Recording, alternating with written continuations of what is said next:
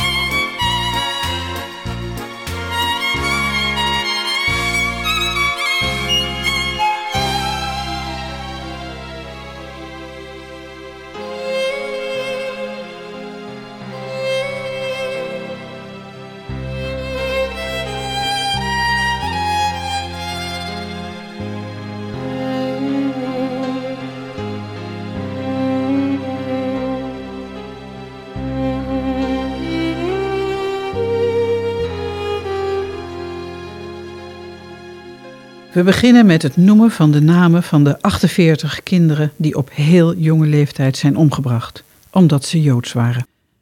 Jacob Aandacht, 1925-1943.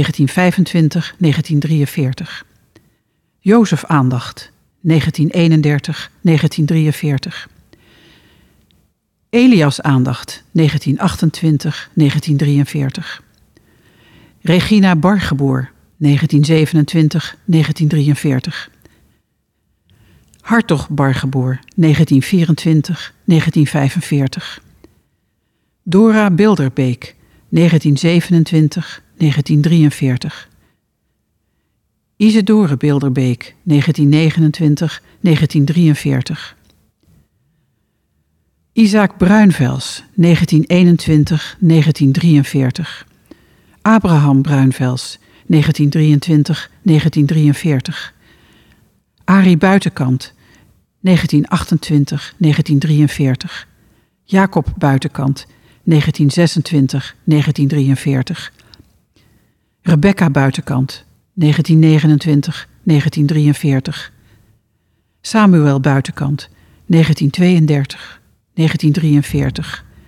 Sientje Buitenkant, 1930, 1943.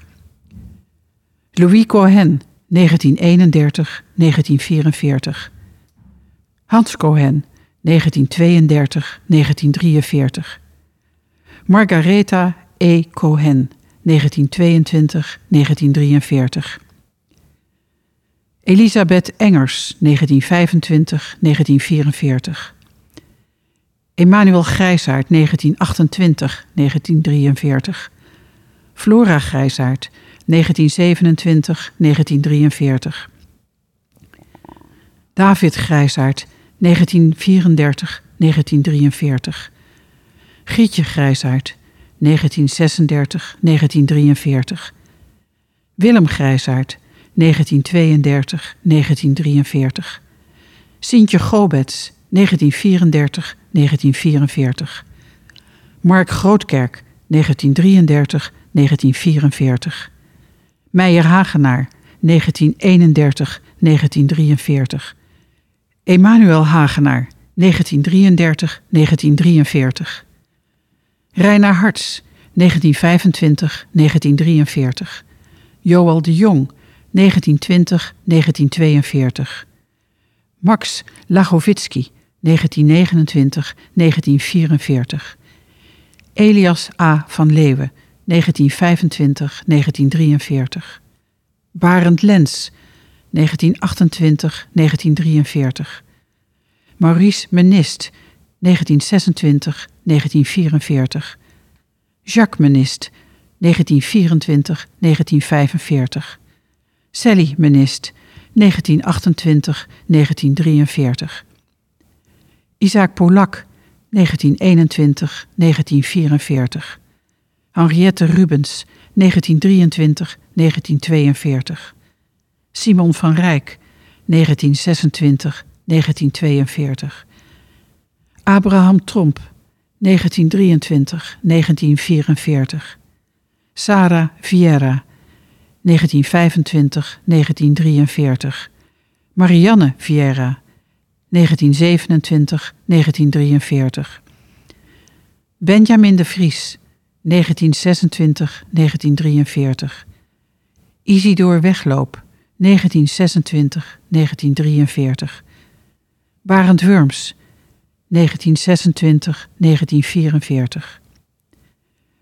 Marcus Wurms, 1930, 1943. Aaron Wurms, 1923, 1943. Antoon J. Wijmans, 1925, 1943. Isaac J. Wijmans, 1934, 1943. De 48 kinderen van de Bergstichting. De vier stafleden waren Isaac H. Cohen, 1903-1945. Fina D. Kosman, 1917-1943. Theodore Prins, 1914-1943. Flora Prins Hirschel, 1911, 1943.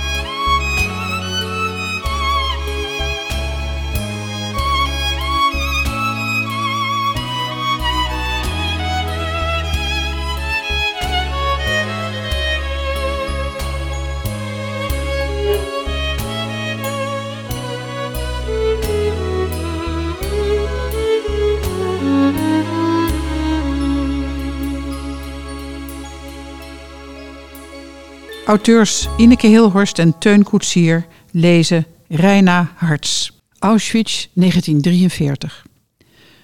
Op dinsdag 24 augustus 1943 staat een trein met 27 goederenwagons klaar in kamp Westerbork, volgestouwd met mensen. De deuren worden gesloten over de opeengeperste, achteruitgedrongen mensenmassa's in de goederenwagons. Door de smalle openingen aan de bovenkant ziet men hoofden en handen, die later wuiven wanneer de trein vertrekt. De commandant rijdt nog één keer op een fiets de hele trein langs. Het is elf uur s morgens. Duizend en één Joden verlaten Nederland. Onder hen is Reina Harts. Niemand weet waar de reis naartoe gaat of hoe lang die zal duren. Reina maakt de reis in een afgeladen wagon die zo vol is dat ze niet kan zitten of liggen. Het stinkt er enorm.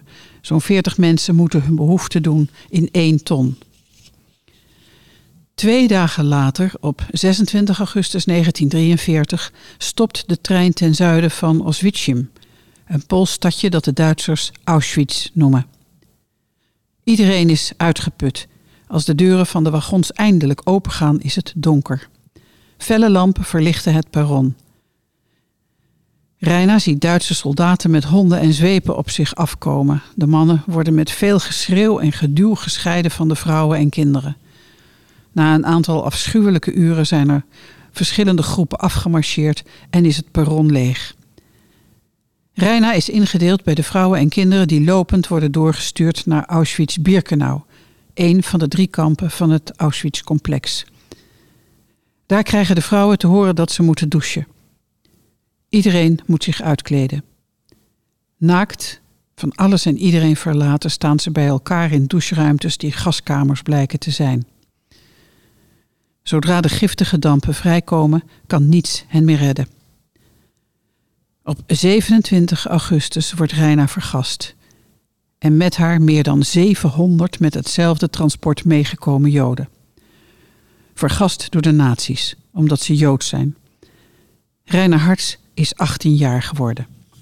Amsterdam 1925. Reina, haar naam betekent koningin in het Spaans, wordt geboren op 13 februari 1925. In de jaren 20 groeit ze op in Amsterdam als de middelste van vijf kinderen. Ze is het derde kind van Isaac Harts en Esther Nunes Vas. Als Reina ter wereld komt is haar broertje Bram één jaar en Jacob al drie. Vader verdient de kost als kruier en bloemenkoopman. Ze hebben het niet breed. In de Jodenbuurt tussen de Nieuwmarkt en de Sarfatistraat wonen veel Joden onder erbarmelijke omstandigheden. In het armste deel van de wijk zijn de muren van de woningen meestal uit houten planken opgetrokken. Riolering en sanitaire voorzieningen zijn er nauwelijks. De bevolkingsdichtheid is hier vele malen groter dan elders in de stad. Dat betekent dat de toch al kleine huizen met meerdere gezinnen moeten worden gedeeld. In de Valkenburgerstraat staan bijvoorbeeld 26 woningen waarvan een gezin van vijf personen in één kamer leeft. Die wonen dan nog royaal. Er zijn ook huizen waar tien of elf mensen één kamer moeten delen. En in twee huizen leven zelfs twaalf mensen in één kamer. Er komen onder de arme Joden dan ook veel meer ziektes voor dan elders in de stad. Van 1923 tot 1927 woont de familie Harts op Valkenburgerstraat 259. In 1926 wordt hun huis onbewoonbaar verklaard.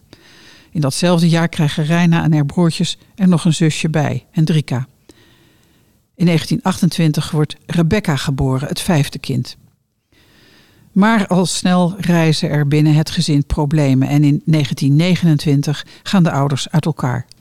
Op 28 mei 1930 wordt vader Isaac door de rechter veroordeeld tot een bijdrage voor zijn kinderen, onder andere voor zijn zoon Abraham, geboren 8 januari 1924 omdat de officiële scheiding pas ruim een half jaar later wordt uitgesproken, op 14 februari 1931, lijkt het erop dat Isaac zijn gezin in de steek heeft gelaten.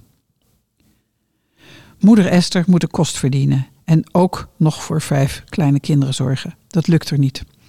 De kinderen worden daarom elders ondergebracht.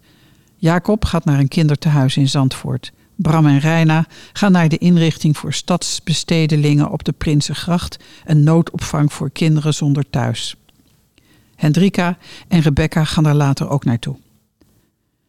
Op een gegeven moment gaan Jacob en Rebecca terug naar hun moeder en wordt Hendrika elders in Amsterdam bij een gezin ondergebracht. Als Reina vijf jaar is, worden zij en haar één jaar oudere broer Bram op de Prinsengracht opgehaald door een mevrouw. Ze gaan met de stoomtram naar Laren, waar ze geen van tweeën ooit zijn geweest. Op die dag, in juli 1930, worden de kinderen naar de Bergstichting gebracht. De Bergstichting is een Joods tehuis voor kinderen die om een of andere reden niet thuis kunnen wonen of van wie de ouders uit de ouderlijke macht zijn gezet. Het staat op de plek waar nu de middelbare school Larenberg staat. Reina's vader hertrouwt en heeft geen enkele belangstelling voor de kinderen uit zijn eerste huwelijk. Hoe moeder moet rondkomen en hoe ze de zorg voor de twee kinderen combineert met haar bestaan, wie zal het zeggen? Ook zij hertrouwt, twee jaar later, op 20 juli 1932. Maar kennelijk is er in haar leven geen plaats voor Reina en Bram. Reina en Bram zien vanuit de stoomtram de Koesweert. Laren is een schilderachtig dorp. Kunstenaars en rijke mensen komen er graag op bezoek. De schilder Mondriaan noemde het zelfs Klein Parijs. Ze zullen hun ogen hebben uitgekeken. Misschien hebben de kinderen ook een glimp opgevangen van het fraaie hotel Hamdorf, waar dagjes mensen thee komen drinken. Vanaf het centrum van het dorp naar de Bergstichting, die even buiten Laren naast de begraafplaatsen ligt, is het een half uurtje lopen. Maar waarschijnlijk nemen ze de tram naar Hilversum en stappen ze eerder uit. Het is midden in de zomer. Ze komen aan bij een statige oprijlaan met bomen aan weerszijden. De laan voert naar de ingang van een mooi gebouw met hoge ramen en een torentje op het dak. Het ligt te midden van fraai aangelegde tuinen. Reina en Bram zien geiten, koeien en ponies. Er worden bijen gehouden en de pauwen lopen vrij rond. Behalve de grote moestuin en de fruitbomen is er een voetbalveld en zijn er zandbakken en schommels. De natuur rondom is prachtig en de hei is vlakbij. Het is een enorme overgang van de drukke Amsterdamse volksbuurt met zijn smerige stegen naar de zomerse rust en de ruimte van het platteland. Laren. Reina en Bram zijn niet de enige bewoners in het tehuis. Ze moeten hun weg zien te vinden tussen zo'n 80 andere kinderen. Al snel ontdekken ze dat de jongens en de meisjes zoveel mogelijk gescheiden leven. Reina ziet haar broertje dan ook niet zo vaak. Het gebouw is symmetrisch ingedeeld. De rechterkant is bestemd voor de jongens en de linkerkant voor de meisjes. Beide delen hebben beneden een grote dagzaal en boven een slaapzaal. Zelfs op de trap komen de jongens en meisjes elkaar niet tegen, want de twee afdelingen hebben een eigen opgang. In het midden is de keuken, van waaruit de dagzalen worden bediend. Er zijn zelfs twee aparte speelplaatsen. Achter op het terrein ligt het bijgebouw dat het jongenshuis heet. Daar wonen 35 grotere jongens. Tussen het hoofdgebouw en het jongenshuis bevindt zich een gebouwtje waar de zieken worden verpleegd. Direct naast de hoofdingang staat de directeurswoning. Naar school. De eerste dag worden Reina en Bram, net als de andere kinderen, om half zeven wakker gemaakt. Iedereen draagt op doordeweekse dagen dezelfde kleren. De meisjes een jurkje met zwarte kousen eronder. De jongens hebben allemaal een ribfluwelen broek en jasje aan. Om zeven uur wordt het Joodse ochtendgebed, het shacharit, opgezegd in de synagoge of shul. De jongens zitten rechts, de meisjes links. Het ontbijt is om half acht. Brood met zoet beleg. Daarna lopen de kinderen van zes tot twaalf jaar in een lange rij naar de openbare lagere school in Laren, die dan op het schoolpad 10 is. Reina is pas vijf, maar Bram gaat al gauw mee. Het is een wandeling van een half uur waarbij de jongens altijd voorop lopen. Buiten dragen zowel de meisjes als, als de jongens een zwarte cape over hun kleding. Tussen de middag eten de kinderen hun meegebrachte boterhammen op in een café en om vier uur lopen ze weer in het gelid terug naar de Bergstichting. De somber uitgedoste stoet trekt uiteraard de aandacht van de rest van de Larense schooljeugd. Sommige kinderen hebben daar geen last van, maar anderen hebben het gevoel dat ze erg te kijk lopen als die Joodse gestichtskinderen. Voorzitter van de stichting Sally Berg Familiefonds, Mariette Koster, leest Sally Berg. Maison Hirsch. In de 19e eeuw is Parijs het modecentrum van de wereld. Eind jaren 60 van die eeuw opent de Joodse ondernemer Leo Hirsch daarom in Brussel een chique winkel met Franse mode. Maison Hirsch Kie. Hij verkoopt daar geen confectie, maar haute couture. Alle kleding wordt op maat gemaakt. De getalenteerde Sally Berg en Sylvain Kaan zijn door Hirsch aangenomen om het modehuis tot een succes te maken. Ze komen alle twee uit Duitsland, zijn even oud en kunnen het goed met elkaar vinden. Kaan ontwikkelt zich tot een uiterst bekwaam zakenman en is een expert op het gebied van stoffen. Berg is het creatieve genie. Begin jaren 80 reisde nog jonge Kaan naar Amsterdam om stoffen te verkopen. Hij heeft het idee dat hij in China is beland. Zo slecht, zo vreemd aan alle begrippen van de mode gingen de dames hier gekleed. Hij is ervan overtuigd dat Amsterdam een zeer interessante markt is. Berg en Kaan stellen Hirsch voor om op het Leidseplein onder de naam Maison Hirsch en Kie een tweede winkel te openen. Hirsch stemt toe. In 1882 maakt de Parijse mode haar entree in de hoofdstad. Zelfs de voertaal in de winkel is Frans. Maison Hirsch en Kie werkt zelf de stroom op, omdat Amsterdam nog geen elektriciteitsnet heeft. Het publiek vergaapt zich aan de prachtige etalages die s'avonds fel zijn verlicht. Sylvain Kaan is de zakelijke directeur en Sally Berg bepaalt het artistieke beleid. Weldra is Maison Hirsch en Kie een begrip. De Amsterdamse elite laat zich graag door Sally Berg kleden. Zijn naam dringt ook door aan het hof. Het duurt niet lang of koningin Emma wordt gezien in een door Berg ontworpen japon. Ook prinses Wilhelmina, na 1898 de koningin, draagt zijn creaties. In 1906 is het hele pand van vijf verdiepingen in gebruik. Er werken 125 verkoopsters en administratieve krachten en 300 naaisters en kleermakers. In het Jodendom wordt er van je verwacht dat je goede daden verricht en de behoeftigen helpt. Dat heet in de Torah, de Hebreeuwse Bijbel, tzedakah, wat rechtvaardigheid betekent. De Joodse filosoof Maimonides uit de 12e eeuw onderscheidt acht gradaties van tzedakah. Als de ontvanger niet weet wie er geeft en de gever niet weet wie het ontvangt, is het een hoge graad van tzedakah. Als de ontvanger erom heeft moeten vragen en de gever minder geeft dan nodig is, en dat ook nog met een nors gezicht, is het de laagste graad. Liefdadigheid. Sylvain Kaan is getrouwd met een zus van Sally. Ze krijgen vijf kinderen. Sally Berg is ongetrouwd gebleven, maar hij houdt van kinderen. In 1909 krijgt Sally Berg bezoek van drie heren. De Amsterdamse notaris Julius Compris, advocaat David Simons en de latere directeur van de Amsterdamse Bank, Abraham van Nierop. Ze hebben een voorstel. De mannen wijzen Berg erop dat er in de Jodenbuurt veel kinderen lijden onder de armoede. Sommige kinderen zijn wees of er is een reden waarom de ouders niet meer voor hun kinderen kunnen zorgen. Eventuele verdere familie heeft meestal genoeg aan zichzelf. Het gevolg is dat kinderen er hulpeloos en stuurloos opgroeien.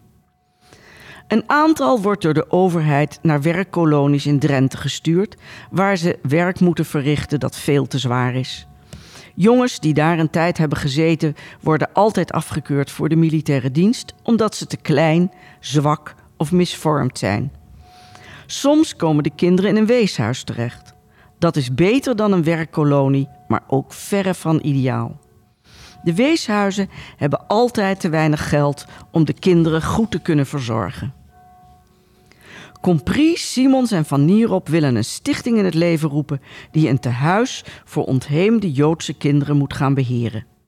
Waar de kinderen blijvend op een goede manier worden opgevoed.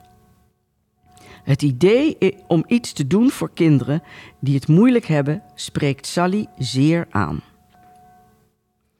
De stichting wordt in 1909 in het kantoor van notaris Compris opgericht. Berg stelt een bedrag van 100.000 gulden beschikbaar, vergelijkbaar met een miljoen nu. Sally Berg is nauw betrokken bij de totstandkoming. Omdat hij de geldverstrekker is, wordt de stichting naar hem vernoemd. Het tehuis moet naar zijn mening in de vrije natuur staan, niet te ver van Amsterdam. Zijn oog valt op een groot stuk grond van 2,5 hectare in Laren, vlak naast het Sint-Jans-kerkhof. Het terrein ligt aan de Doodweg, tegenwoordig de Langsakker. Al snel in 1911 vindt de opening plaats. Tussen het groen is een enorm hoofdgebouw van rode baksteen verrezen. Het gebouw heeft centrale verwarming en beschikt over een eigen waterleiding waarvoor grondwater wordt opgepompt. De Bergstichting voorziet in een grote behoefte. Een jaar later, in 1912, wonen er al 17 kinderen. In het eerste jaarverslag van de stichting staat te lezen: Deze jongen zwierf vroeger dag en nacht door Amsterdam en ging niet naar school. Hij was een straatjongen van het ergste soort die naar niemand meer luisterde. Zijn moeder, bang dat hij voor galg en rat zou opgroeien, vroeg ontheffing van de voogdij. Nu is hij bij ons. Er is regelmaat in zijn leven. Hij is in Hilversum bij een baas in de leer en zijn loon wordt op een spaarrekening gezet. Over een andere jongen vermeldt het verslag. Hij was in hoge mate verwaarloosd. Hij sliep in een kist met vodden en kreeg niets te eten van zijn stiefmoeder. Zijn vader werd uit de voogdij ontzet en de jongen is nu bij ons. Het gaat goed met hem. Reina in de Bergstichting door Ineke Hilhorst. Vriendinnen. Reina leert al snel andere meisjes kennen. Stuk voor stuk zijn ze getekend door hun verleden.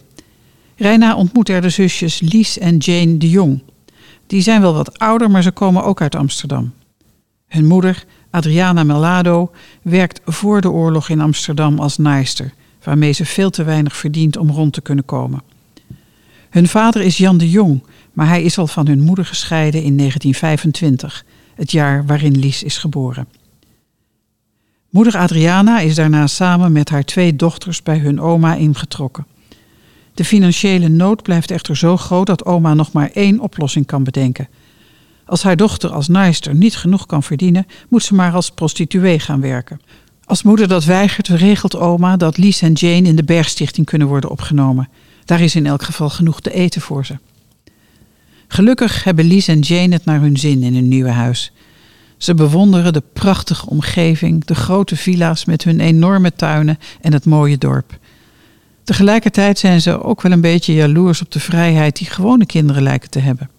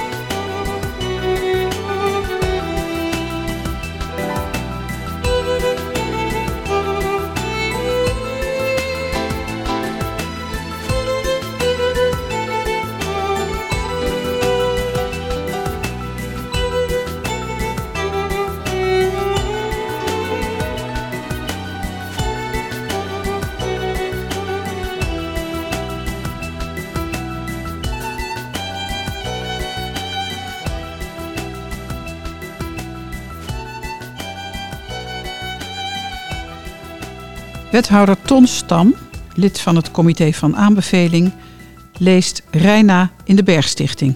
Een niet-Joodse directeur, Jan Rijtsema en zijn vrouw Tine, zijn in 1929 aangenomen als directeurs-echtpaar. Het bestuur zou liever een Joodse directeur willen benoemen, maar die is niet te vinden. Rijtsema is een Groninger en streng. De kinderen kijken tegen hem op en zijn soms zelfs bang van hem.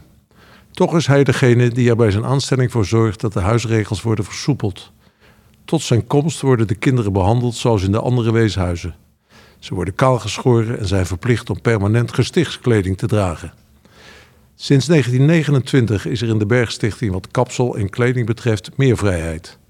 Buitenschool mogen de pupillen hun eigen kleren aan.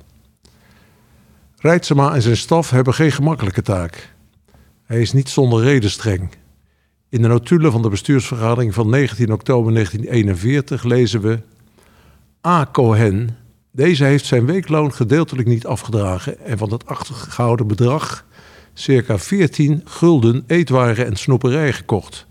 Hij is door de directie flink onderhanden genomen. En verder L. Polak.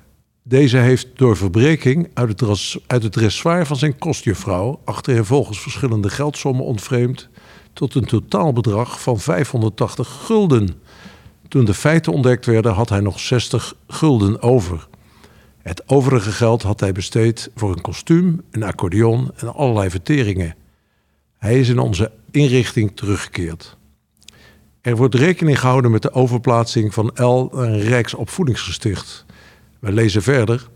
S. de Vries, deze werd gedagvaard ter strafzitting van den kinderrechter te Amsterdam. De V.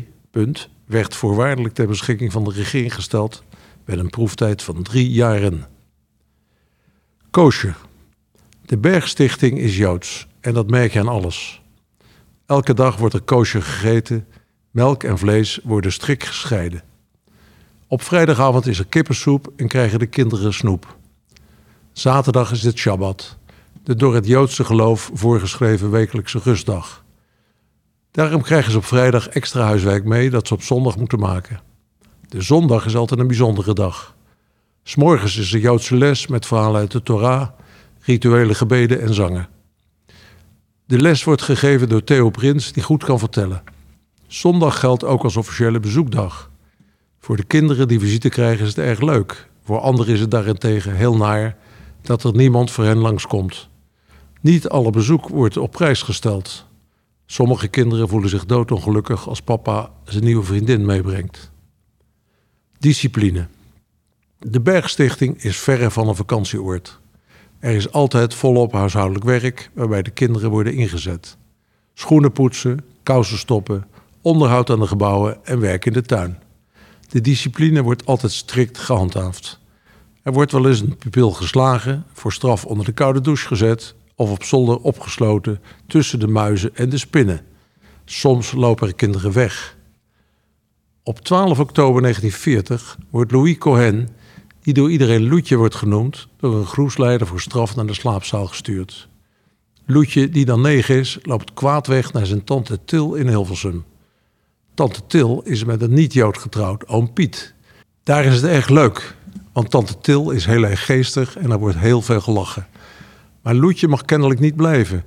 Na een tijdje wordt hij weer teruggebracht naar Laren. Er zijn ook kinderen die het erg naar hun zin hebben. Mieke Wiltjer, eigenlijk heet ze Mietje, die het tot kort na mei 1940 woont, spreekt met veel warmte en liefde over de Bergstichting. Je was eigenlijk allemaal broers en zussen. Ze vertelt over de gezelligheid, de Joodse les, de schooldiensten, de spelletjes en de wandelingen over de hei.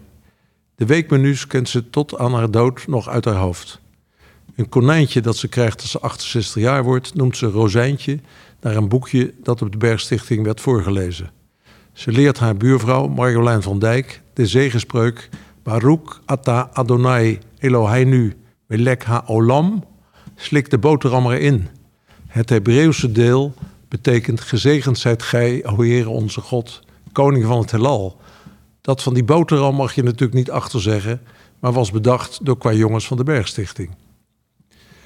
De Bergstichting van voor de oorlog wordt in die tijd als een in zijn soort voortreffelijk kinderthuis gezien. Sommige oudpupillen zien dat anders. Ze schetsen het huis uit die tijd als een massaal, onpersoonlijk en gevoelsarm instituut. Maurits Cohen, oud-bewoner van de Bergstichting, leest 1939 De Broertjes Cohen. Het is 1939. De broertjes Cohen, Maurits, Hans en Loetje Cohen arriveren op 23 november 1939 in de Bergstichting als Reina er inmiddels negen jaar woont. Twee jaar eerder zijn hun ouders gescheiden van de kinderen Cohen. De kinderen blijven in eerste instantie bij hun moeder, maar na twee jaar lukt het haar niet meer om voor hen te zorgen. Maurits, die al snel Moutje wordt genoemd, is op 28 oktober 1934 als Jacob Cohen in Rotterdam geboren. Zijn ouders vernoemen hem naar zijn vader, die heet eigenlijk Mozes, maar wordt door iedereen Maurits genoemd.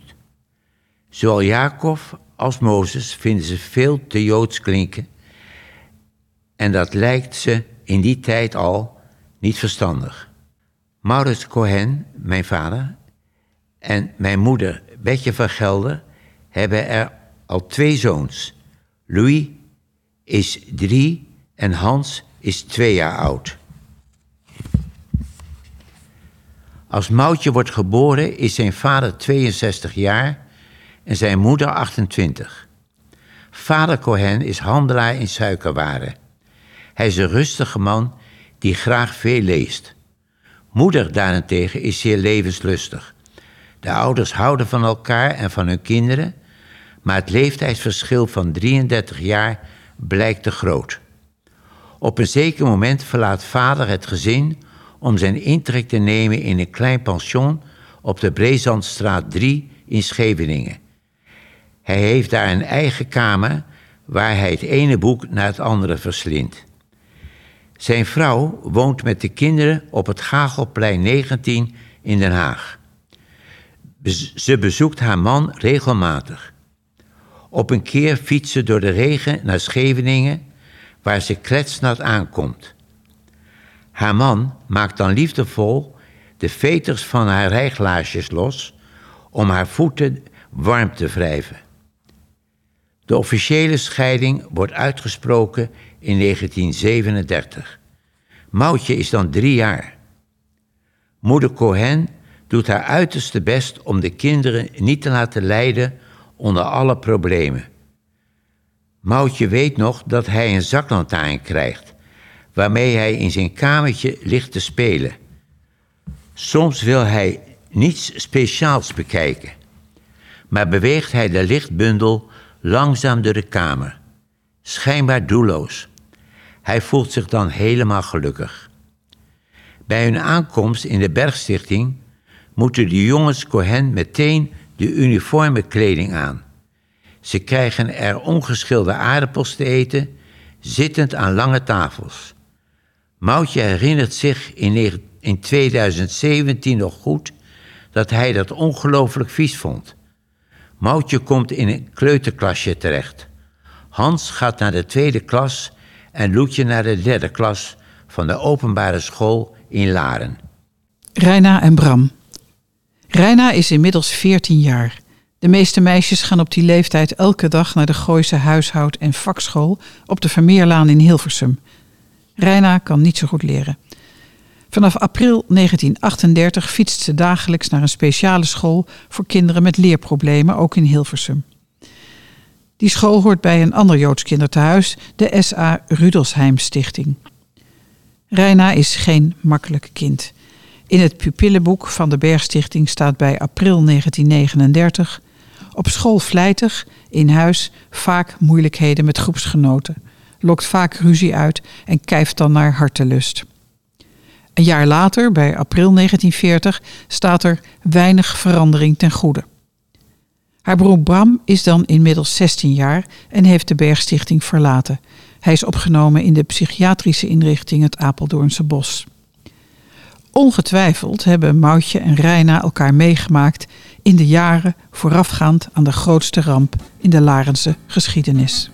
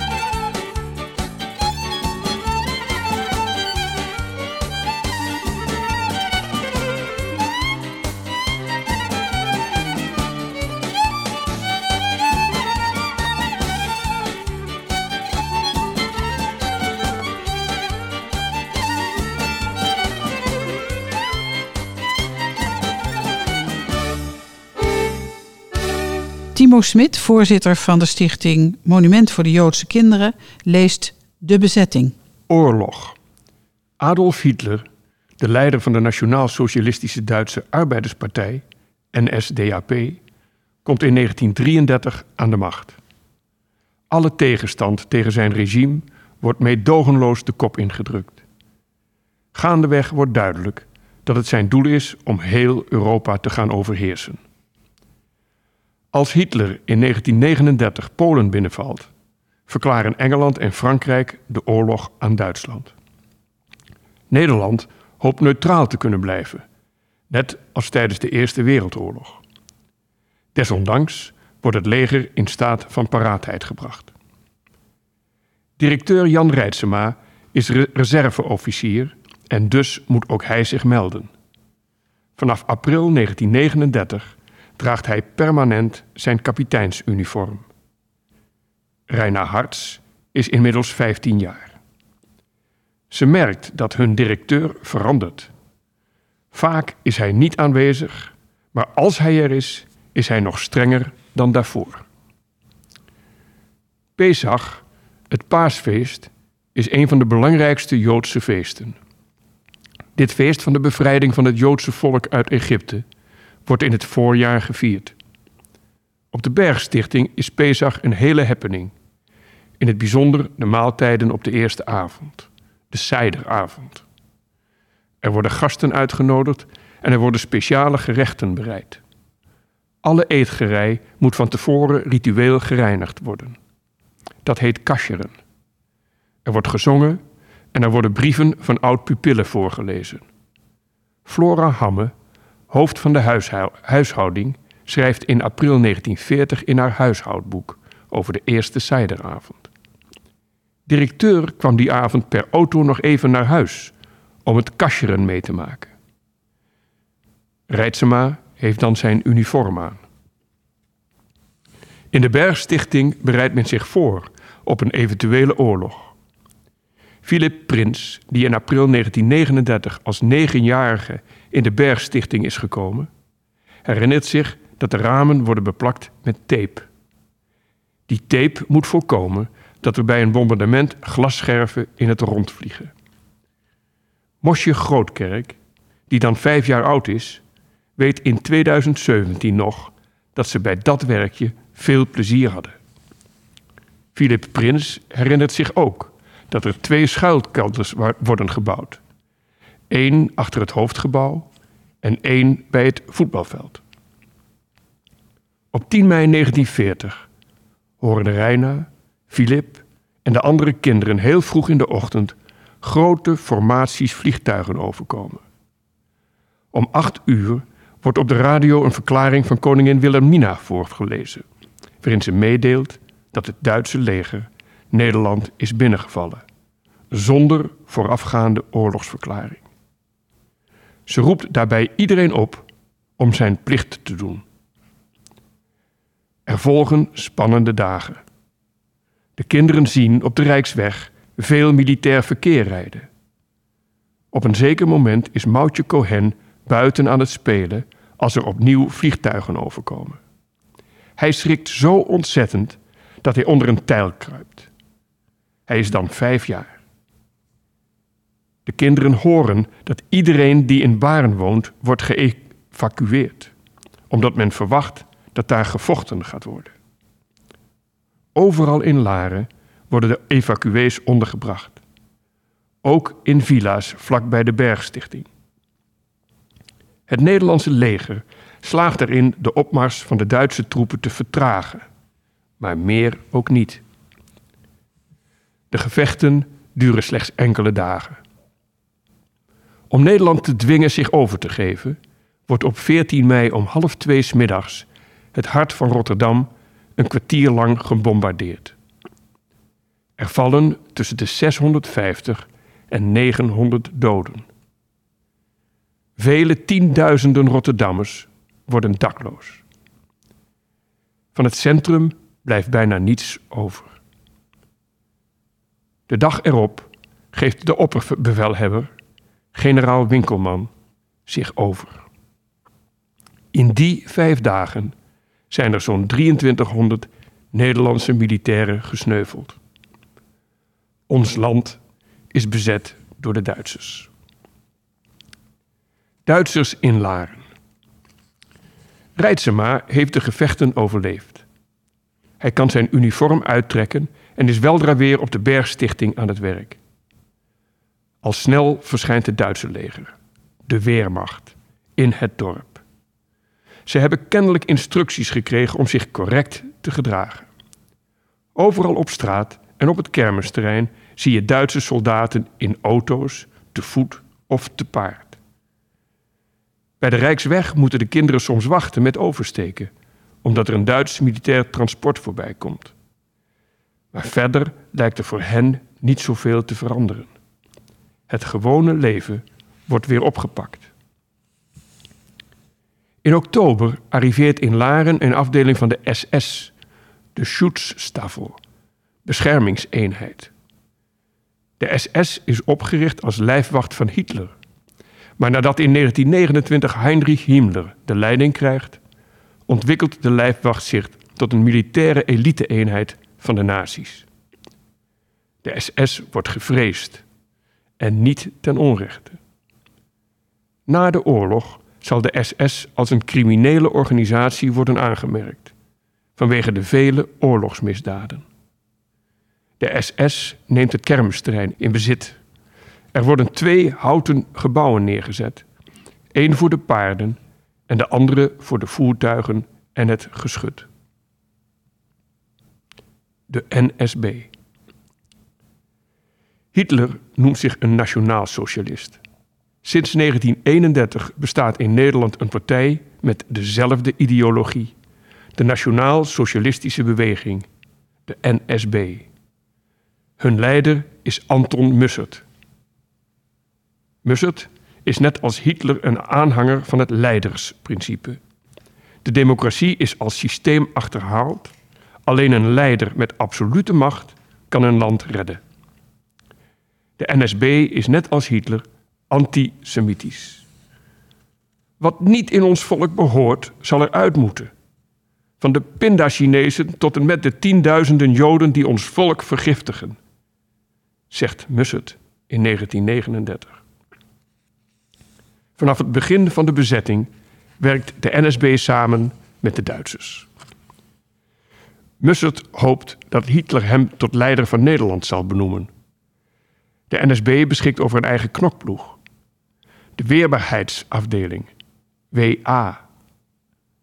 De WA'ers met hun zwarte uniformen gaan deel uitmaken van het Larense straatbeeld.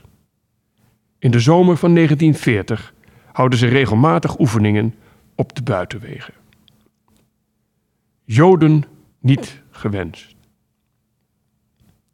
Na verloop van tijd blijkt dat de bezetting wel degelijk veranderingen met zich meebrengt. De kinderen van de Bergstichting wordt verteld dat ze uit de buurt van de oefenende WA'ers moeten blijven. De wandelingen naar school worden onaangenaam. Duitse soldaten leveren commentaar als de rij kinderen langsloopt. De scholieren krijgen de opdracht om de NSB-kinderen, waarbij ze in de klas zitten, vooral niet uit te dagen. In november 1940 horen ze dat ze niet meer welkom zijn in het café waar ze tussen de middag altijd hun boterhammen eten. Het is in gebruik genomen door de Weermacht. In januari 1941 volgt een regelrecht discriminerende verordening. De kinderen mogen niet meer de bioscoop in omdat ze Jood zijn. Het is een van de maatregelen die onderdeel uitmaken van het Duitse plan om Nederland jodenvrij te maken. Het vooropgezette doel is om de Joden eerst als zodanig te identificeren en hen dan te isoleren. Ze worden als een aparte groep in de samenleving neergezet. Alsof het minderwaardige wezens zijn die een gevaar voor de maatschappij zouden opleveren. Uitsluitend met het doel hen te kunnen elimineren. In Amsterdam heeft een aantal Joden zich verzet tegen NSB'ers die hen lastig vielen. De vechtpartijen zijn voor de Duitsers aanleiding om een aantal prominente Joden te benoemen tot vertegenwoordigers van de Joodse gemeenschap. De Joodse Raad. De Joodse Raad hoopt op te kunnen komen voor de belangen van de Joden, maar is in de praktijk vooral een werktuig in de handen van de Duitsers om de anti-Joodse maatregelen uit te kunnen voeren. Op 28 februari 1941 schrijft Flora Hamme in haar huishoudboek. Sjaantje en Monny komen onverwacht voor Shabbos naar Laren, daar het in Amsterdam zeer onrustig is. Er werden in de afgelopen week honderden Joden naar elders vervoerd om naar concentratiekampen te worden gezonden, als represaillemaatregel tegen de relletjes die deze week in Amsterdam plaats hadden. Onder andere behoorde tot deze mensen ook Meijer Brilleman, die juist die week had zullen trouwen. Meijer Brilleman is een oud pupil. Een half jaar later komt het bericht dat hij in Duitsland op 26-jarige leeftijd is overleden. Het is duidelijk dat de Bergstichting zich niet aan het naderend onheil zal kunnen onttrekken. In februari wordt bekendgemaakt dat vanaf 1 mei 1941 Joodse artsen alleen nog maar Joodse patiënten mogen behandelen. Vanaf april 1941 verschijnen bij markten, schouwburgen, zwembaden, sportvelden, dierentuinen, zwembaden en cafés borden met voor Joden verboden of Joden niet gewenst. Vanaf 8 augustus 1941 moeten alle vermogende Joden hun banktegoeden en contanten bij de bank Liebman, Rosenthal Co., kortweg Liro, onderbrengen. Later worden ze verplicht om ook hun spaargeld daar te storten. Verder moeten kunstvoorwerpen, edelmetalen, juwelen en antiek bij dezelfde bank worden ingeleverd. Liro is speciaal door de Duitsers opgericht met de bedoeling om de Joden te beroven. Vanaf 1 september 1941 wordt het de Joodse kinderen in Laren verboden om naar de openbare school te gaan. Ze worden tijdelijk in de Bergstichting onderwezen in afwachting van de ingebruikname van een speciale school voor Joodse kinderen aan de Groene Gerritsweg 2. De school wordt op 14 april 1942 geopend. Reina gaat in 1942 niet meer naar school. Ze is 17 jaar en werkt vanaf 1 juli in dagbetrekking bij mevrouw Salomonson op de Lingenskamp 12. De discriminatie van de Joden neemt steeds angstwekkender vormen aan. Vanaf 7 november 1941 mogen Joden niet meer zonder toestemming reizen of verhuizen. Vanaf 23 januari 1942 mogen Joden geen auto meer rijden. In hun persoonsbewijs moet een J worden gestempeld. Op 3 mei 1942 wordt de Jodenster ingevoerd, die alle Joden op hun jas moeten naaien. De kinderen en medewerkers van de Bergstichting dragen allemaal zo'n ster.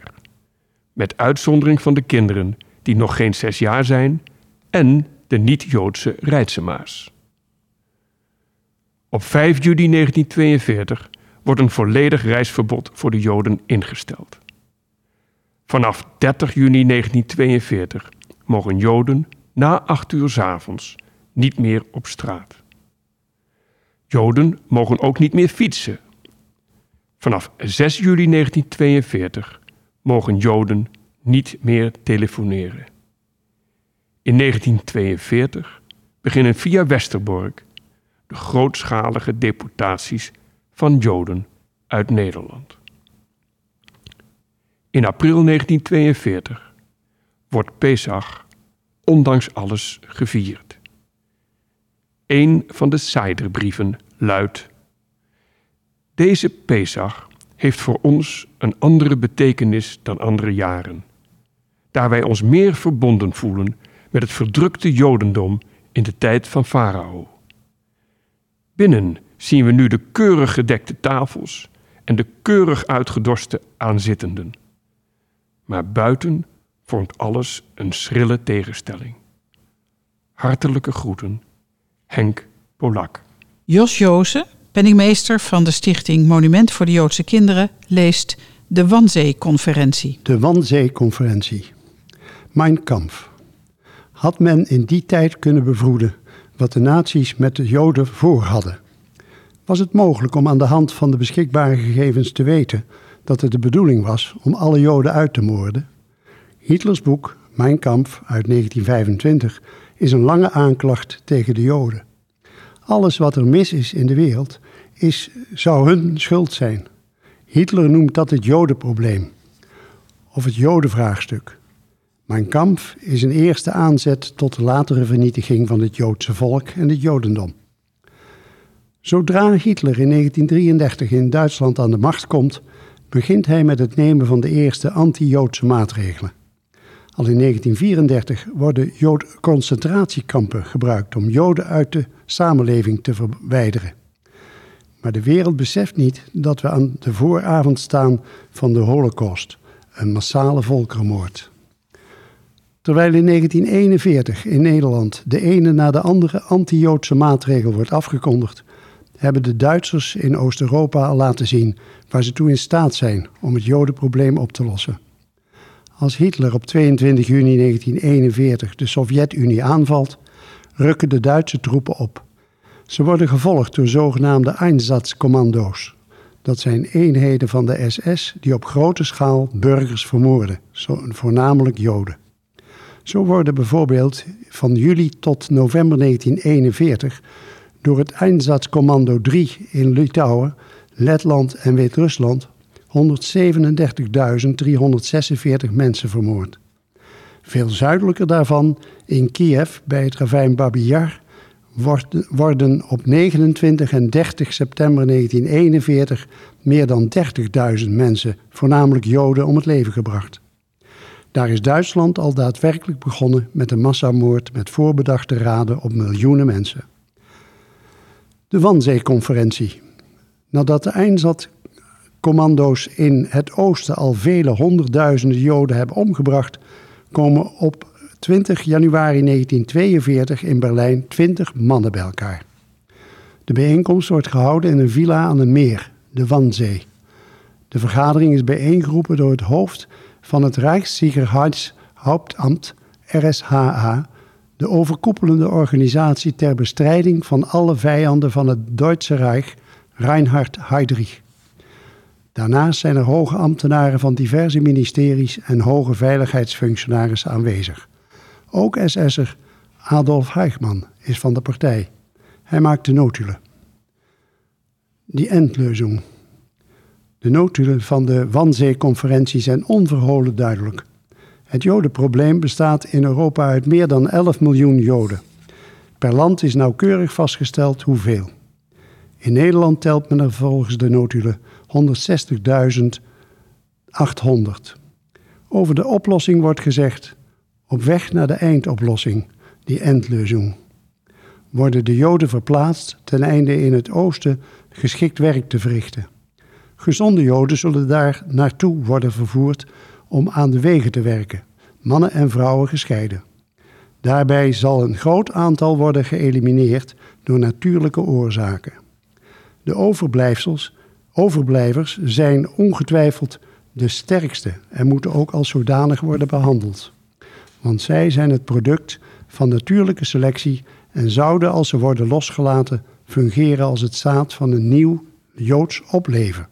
In de notulen wordt niet gezegd wat er, nadat de meeste Joden zich zullen hebben doodgewerkt, met overblijvers zal gebeuren. Ze zullen in ieder geval niet worden vrijgelaten. Termen als vermoorden of vergassen worden niet gehanteerd. Er worden wel diverse mogelijkheden besproken om de endlozing verder te bewerkstelligen, maar die worden niet genotuleerd. Men wijst er in de vergadering op dat onrust onder de lokale bevolking vermeden moet worden. Het verhullend taalgebruik suggereert dat de mannen zich wel degelijk bewust zijn van de gruwelijkheid van hun criminele plannen. De uitkomst van de vergadering is dat alle 11 miljoen Joden zullen worden gedeporteerd en daarna vermoord. De concentratiekampen. Hoe vermoord je 11 miljoen mensen? Al in de jaren 30 sluiten de Duitsers hun tegenstanders op in concentratiekampen. In het algemeen zijn dat werkkampen. De gevangenen worden in barakken gehuisvest, krijgen weinig te eten en moeten dwangarbeid verrichten. Ze zijn volkomen rechteloos. Vaak worden ze gevangen gehouden zonder dat er een rechter aan te pas komt. In de loop van de tijd ontstaan er naast werkkampen ook interneringskampen, waar krijgsgevangenen worden opgesloten. Als de nazi's hun tijdens de Wannsee-conferentie ontwikkelde plannen daadwerkelijk gaan uitvoeren, komen er ook zogeheten doorgangskampen en vernietigingskampen bij. Sommige kampen hebben meerdere functies tegelijk. Auschwitz. Auschwitz wordt in 1940 gebouwd als een kamp voor Poolse gevangenen, maar groeit uit tot het grootste Duitse concentratiekamp. In 1943 bestaat het uit drie kampen, die op enige afstand van elkaar liggen. Het basiskamp Auschwitz, het vernietigingskamp Auschwitz-Birkenau en het werkkamp Auschwitz. In het vernietigingskamp worden dagelijks duizenden Joden vergast. In het werkkamp bevinden zich op een gegeven moment meerdere fabrieken van de Duitse chemiegigant IG Farbe. Er wordt synthetische olie en rubber gemaakt door tienduizenden Joodse dwangarbeiders die in het basiskamp Auschwitz zitten. De gemiddelde levensverwachting van de arbeiders is drie tot vier maanden. Artsen zoals de beruchte dokter Mengele voeren in het basiskamp medische experimenten uit op in hun ogen geschikte Joden. De afloop is regelmatig dodelijk.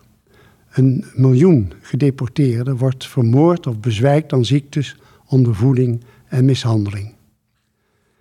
Sobibor. Een ander berucht concentratiekamp is Sobibor.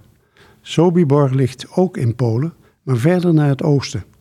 Het is een vernietigingskamp dat in april 1942 is gebouwd, met als enig doel het vermoorden van Joden. In Sobibor zijn honderdduizenden Joden vergast. Bergen-Belsen. Bergen-Belsen is een van de grote concentratiekampen op Duits grondgebied. Het ligt ten noorden van Hannover in Midden-Duitsland. Hier worden krijgsgevangenen ondergebracht. Daarnaast is het een kamp voor Joden met een speciale status. Zo zitten er de zogenaamde ruiljoden, Joden van wie de Duitsers denken dat ze uitgewisseld kunnen worden met in Engeland gevangen genomen Duitsers. Bergen-Belsen wordt ook gebruikt voor zieken uit andere kampen. In de laatste fase van de oorlog is Bergen-Belsen zeer overbevolkt. Ook hier sterven door mishandeling, ondervoeding, uitputting en ziektes tienduizenden mensen, waaronder Anne Frank en haar zusje Margot. De boekhouder van de Holocaust. Het vermoorden van miljoenen mensen is een enorme operatie. De organisator achter de schermen, de man die de logistiek verzorgt en in Berlijn bepaalt welke transporten zullen plaatsvinden, is Adolf Eichmann. Hij is de rekenaar achter de Holocaust, de boekhouder van de Jodenvervolging. Eichmann is de man die bepaalt dat er weer een trein uit Westerbork naar Auschwitz kan rijden, omdat er zoveel Joden zijn vergast dat er ruimte is voor nieuwe aanvoer.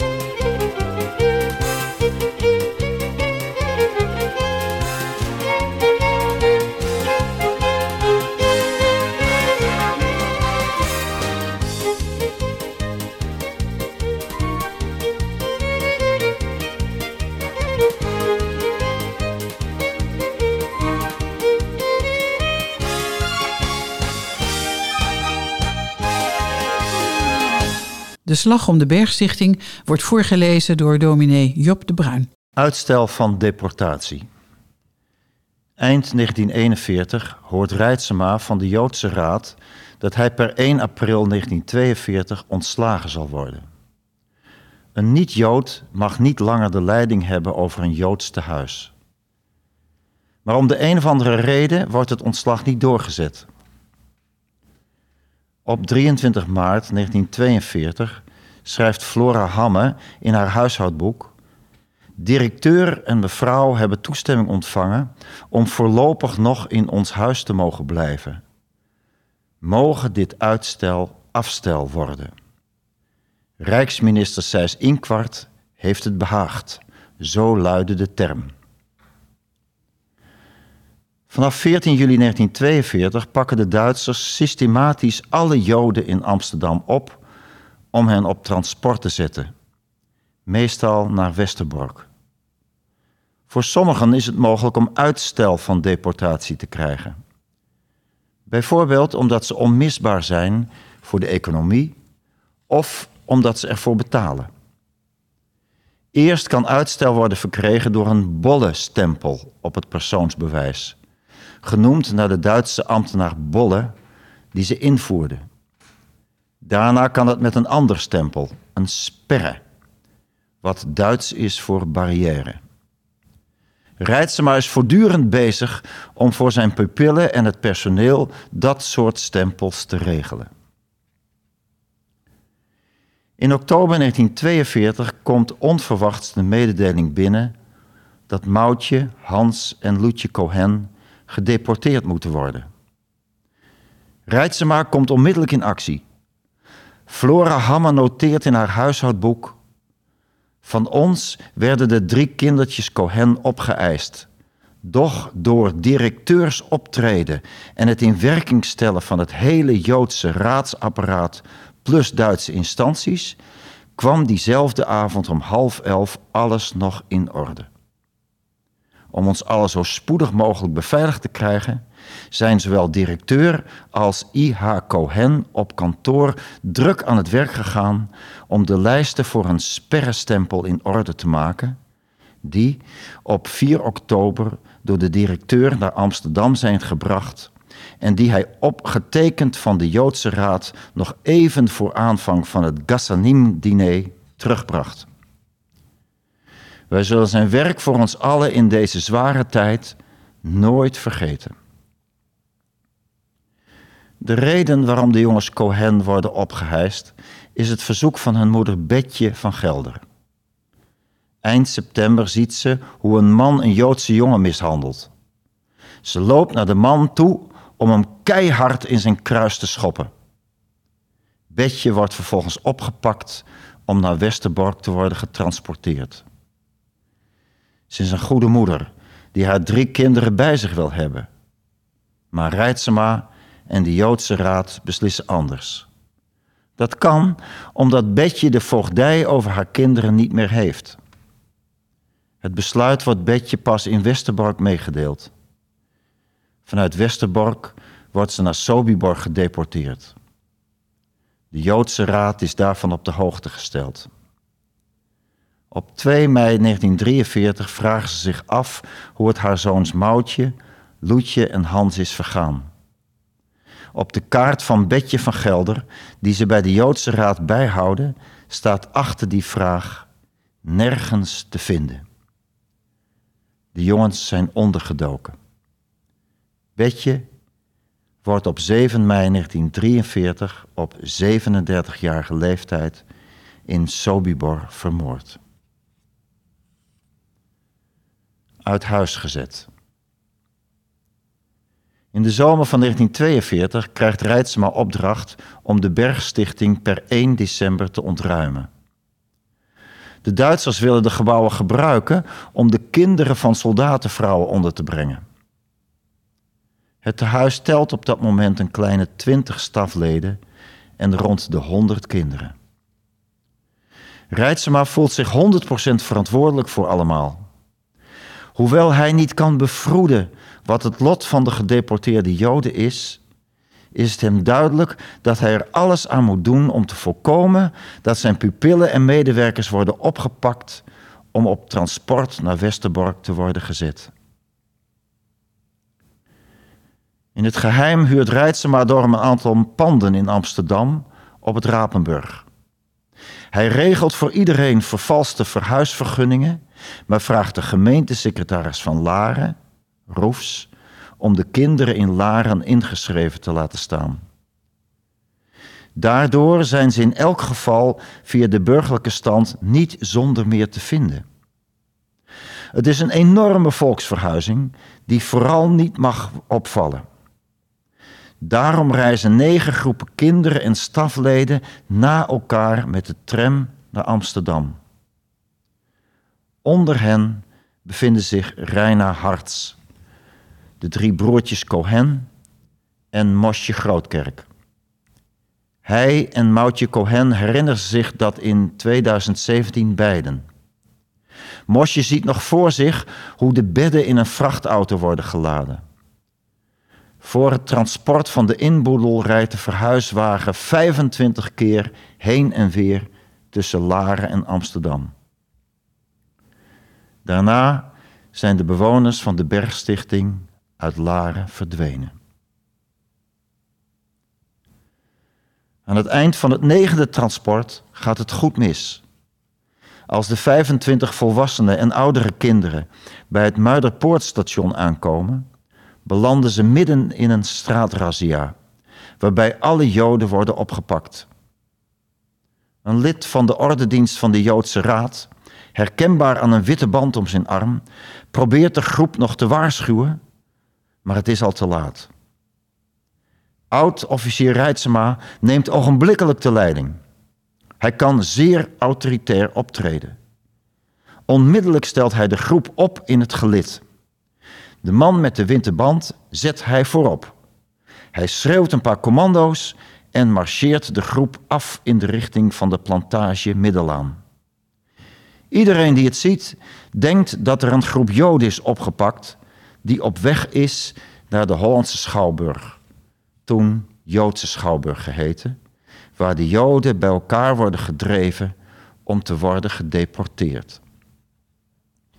De groep marcheert echter regelrecht naar het Rapenburg, dat in dezelfde richting ligt, maar dan wat verderop. In het landelijke Laren kun je misschien nog hopen dat het allemaal een nare droom is die voorbij zal gaan. In Amsterdam dient de keiharde realiteit van de Jodenvervolging zich onafwendbaar aan. Misschien is dit het moment waarop Reitsema zich realiseert dat hij in een zwaar gevecht is beland. Hij noemt het later de slag om de Bergstichting. Het Rapenburg. Reina is bijna 18 jaar en wordt door Reitsema aan het werk gezet als dienstbode. De panden op het Rapenburg zijn vies en het zit er vol ongedierte. In de verwaarloosde huizen dreigen de plafonds hier en daar naar beneden te komen. Maar het ergste is dat de kinderen getuigen zijn van de razzia's. Dagelijks maken ze mee hoe mensen, ook oude vrouwen en kinderen, ruw in overvalwagens worden geduwd en worden weggevoerd. Michelingenheim.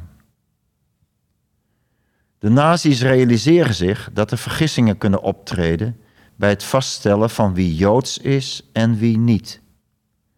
Als iemand van mening is dat hij ten onrechte als jood is aangemerkt, kan diegene zich wenden tot het bureau van Dr. Hans Kalmeijer in Den Haag.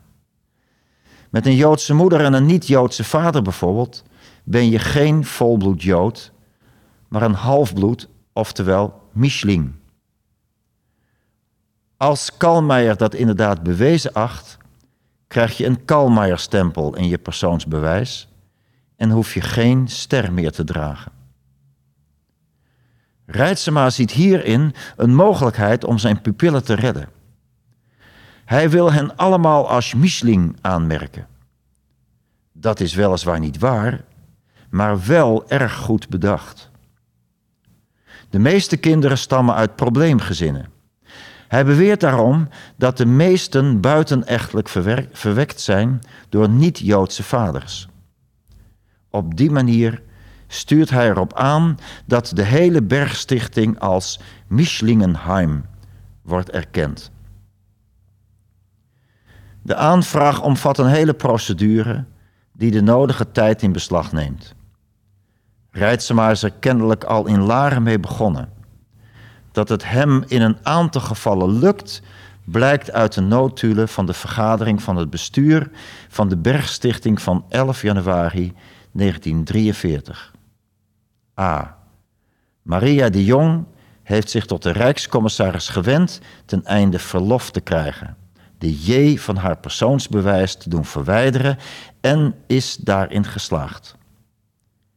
B. Kinderen Vonk. Ook van deze kinderen mag de J van het persoonsbewijs verwijderd worden. De inval. Gemeentesecretaris Roefs is bang dat de Duitsers erachter komen dat de kinderen niet meer in Laren wonen en wil ze daarom naar Amsterdam overschrijven. Rijtsema gaat daarmee met grote tegenzin akkoord op voorwaarde dat het één voor één gebeurt. Niet allemaal tegelijk.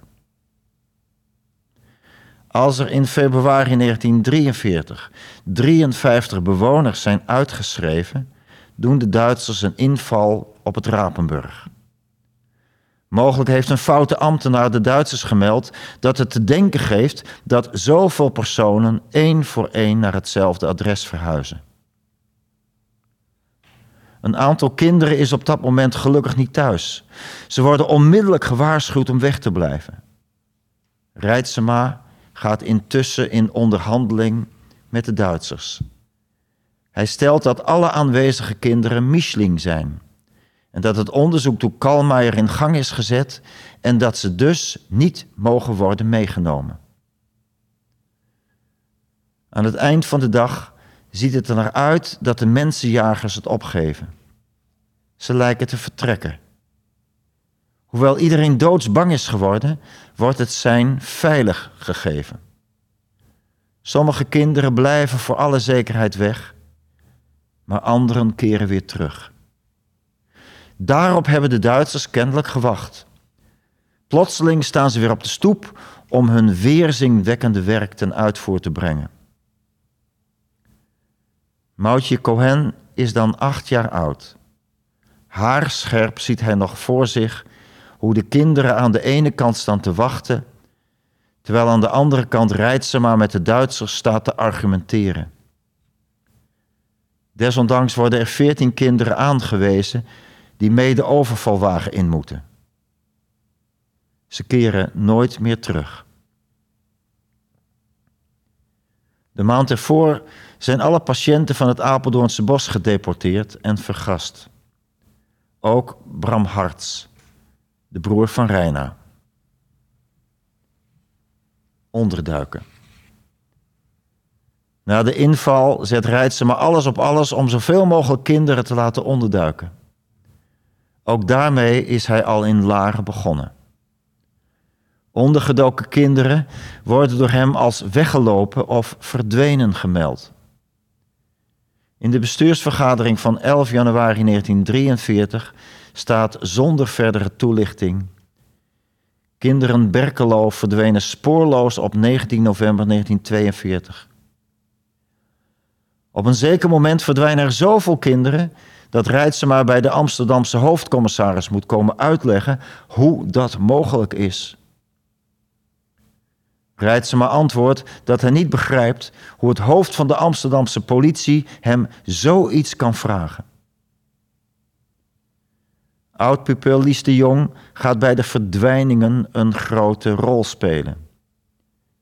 Lies heeft vlak voor de oorlog de Bergstichting verlaten om te werken in de Clara Stichting in Zandvoort, een Joods sanatorium. Daar is ze echter vanwege anti-Duits gedrag in 1943 ontslagen. Omdat ze een niet-Joodse vader heeft, mocht ze haar ster afdoen. Aangezien ze zich vrijelijk kan bewegen, meldt ze zich op het Rapenburg om haar diensten aan te bieden. Rijtsema vraagt haar te helpen bij het vinden van onderduikadressen. Lies brengt zijn verzoek over aan het echtpaar waar ze bij inwoont, Trudy en Leendert de Zwaan. Trudy is niet Joods, Leendert wel. Lies heeft al een paar keer bij hen thuis een rare snuiter, zoals ze later zou schrijven, ontmoet. Later zal blijken dat hij, broer Hannes, dat hij boer Hannes Bogaert is, uit Nieuw-Vennep in de Haarlemmermeer. Hannes maakt deel uit van een verzetsnetwerk dat vanaf dat moment zo'n dertig kinderen uit de Bergstichting laat onderduiken. Onder hen zijn Moutje Cohen en Mosje Grootkerk. Dankzij hem kan Moutje het nog navertellen. Op een dag loopt hij met een aantal andere kinderen langs een gracht in Amsterdam.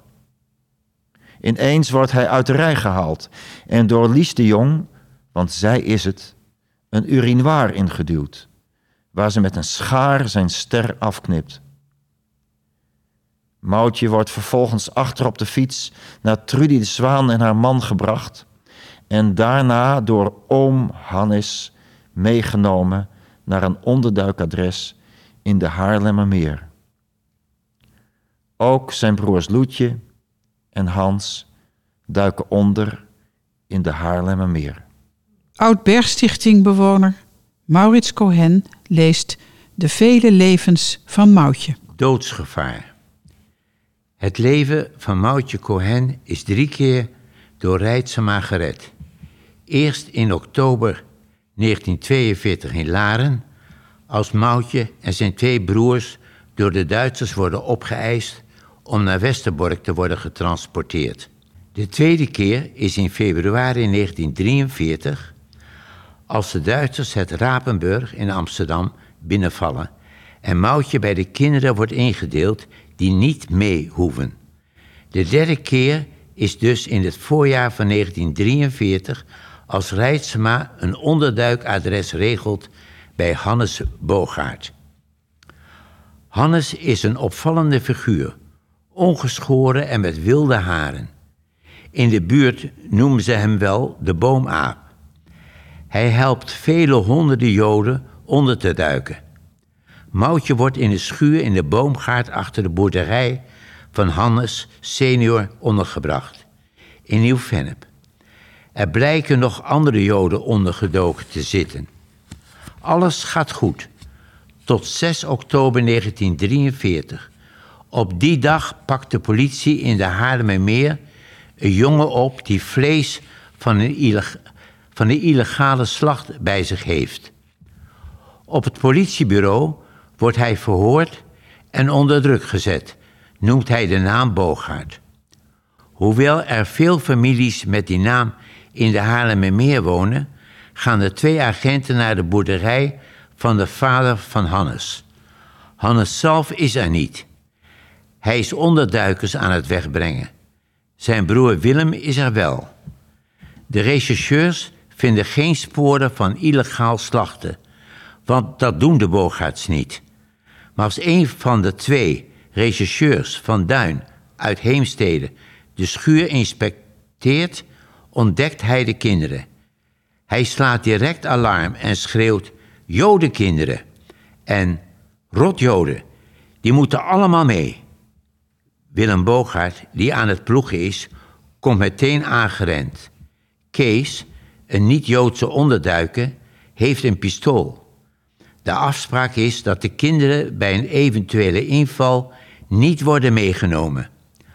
Als de rechercheur zich dreigend opstelt, schiet Kees hem met één schot dood. Moutje en Mosje zien het gebeuren.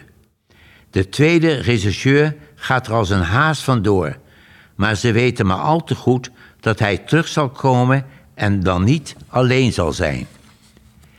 Er ontstaat een chaotische situatie. De onderduikers proberen zich overal in de buurt te verstoppen. De politie komt smiddags inderdaad terug, Ze horen de auto's al vanuit de verte aankomen. Het hele gebied wordt afgezet. Met speurhonden wordt in de omgeving systematisch uitgekampt. Willem Boogaard heeft zich met een twintigtal kinderen verstopt naast de sloot. Zodra hij de mannen en honden hoort naderen, spoort hij de kinderen aan om tot hun nek in het water te gaan staan, net als hij zelf. Ook Moutje en Mosje moeten eraan geloven. De kinderen worden niet ontdekt, maar de meer dan dertig volwassenen worden allemaal opgepakt. Nieuw onderduikadres voor Moutje. Bij zijn volgende onderduikadres komt Moutje terecht bij een communistisch echtpaar in Lisse. En daarna bij een gereformeerde weduwe in Sassenheim, mevrouw van der Neut. Daar hangt Moutjes leven nog één keer aan een zijden draad. Hij mag nooit buiten spelen. Maar gelukkig vindt hij een vriendje dat elke dag spelletjes met hem kon doen. Op een zekere dag wordt er aangebeld. Aan de deur staan twee mannen die ene mevrouw Nood zoeken. Mevrouw van der Neut, de weduwe dus, begrijpt best dat ze haar moeten hebben. Maar ze zegt Adrem, die heeft hier wel gewoond, maar ze is een maand geleden verhuisd. Een van de mannen werpt intussen een blik de kamer in, waarbij hij Moutje recht in zijn gezicht kijkt. Moutje is er zeker van dat de man ziet dat hij een Joodse jongen is. De man kijkt hem nogmaals aan en draait zich om, vervolgens om met de woorden: Kom, we gaan, hier hebben niets meer te zoeken. Zijn broers Loetje en Hans zitten apart van elkaar, ook ondergedoken. Maar ze worden beide opgepakt. Hans wordt op 19 november 1943 in Auschwitz vergast en Loetje op 28 januari en Loetje op 28 januari 1944, ook in Auschwitz. Hans is dan 11 jaar en Loetje 12. Ook hun ouders hebben de oorlog niet overleefd. Pas als in Sassenheim de bevrijding wordt gevierd, mag Moutje voor het eerst weer naar buiten. Hij horst de hele dag tussen de feestgangers en merkt pas avonds dat hij een van zijn klompen is kwijtgeraakt.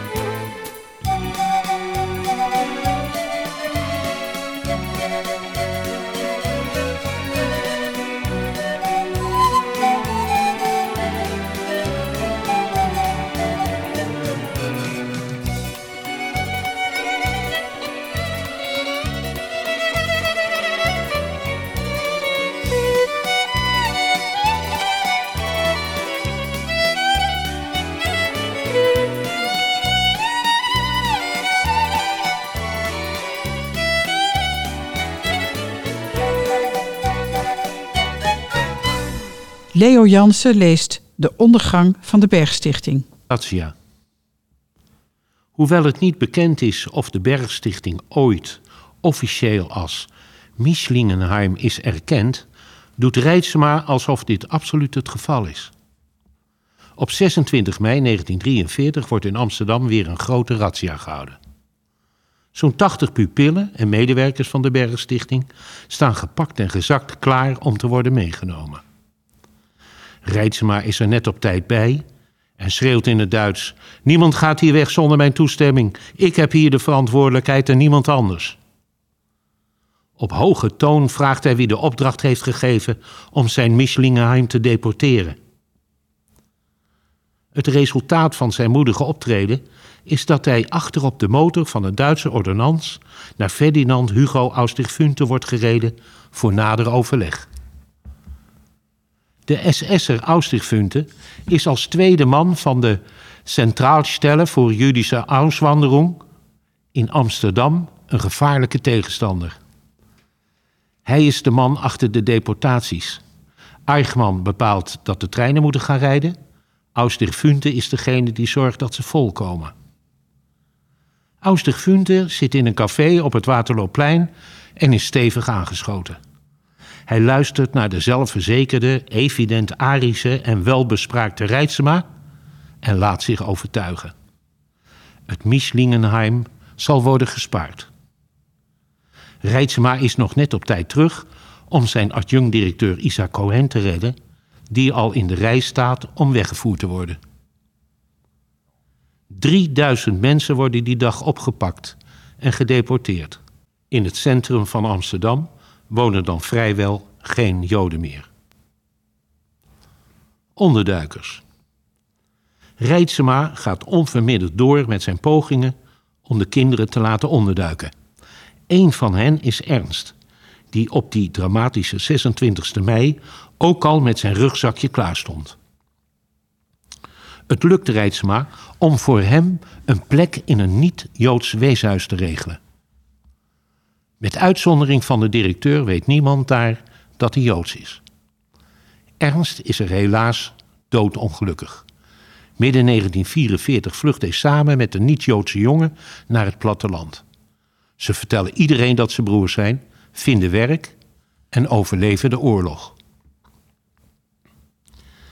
In de zomer van 1943 zorgt Reitsema voor een onderduikadres en een vervals persoonsbewijs voor een van zijn oudere pupillen, Alex Rubens. Alex is net volwassen.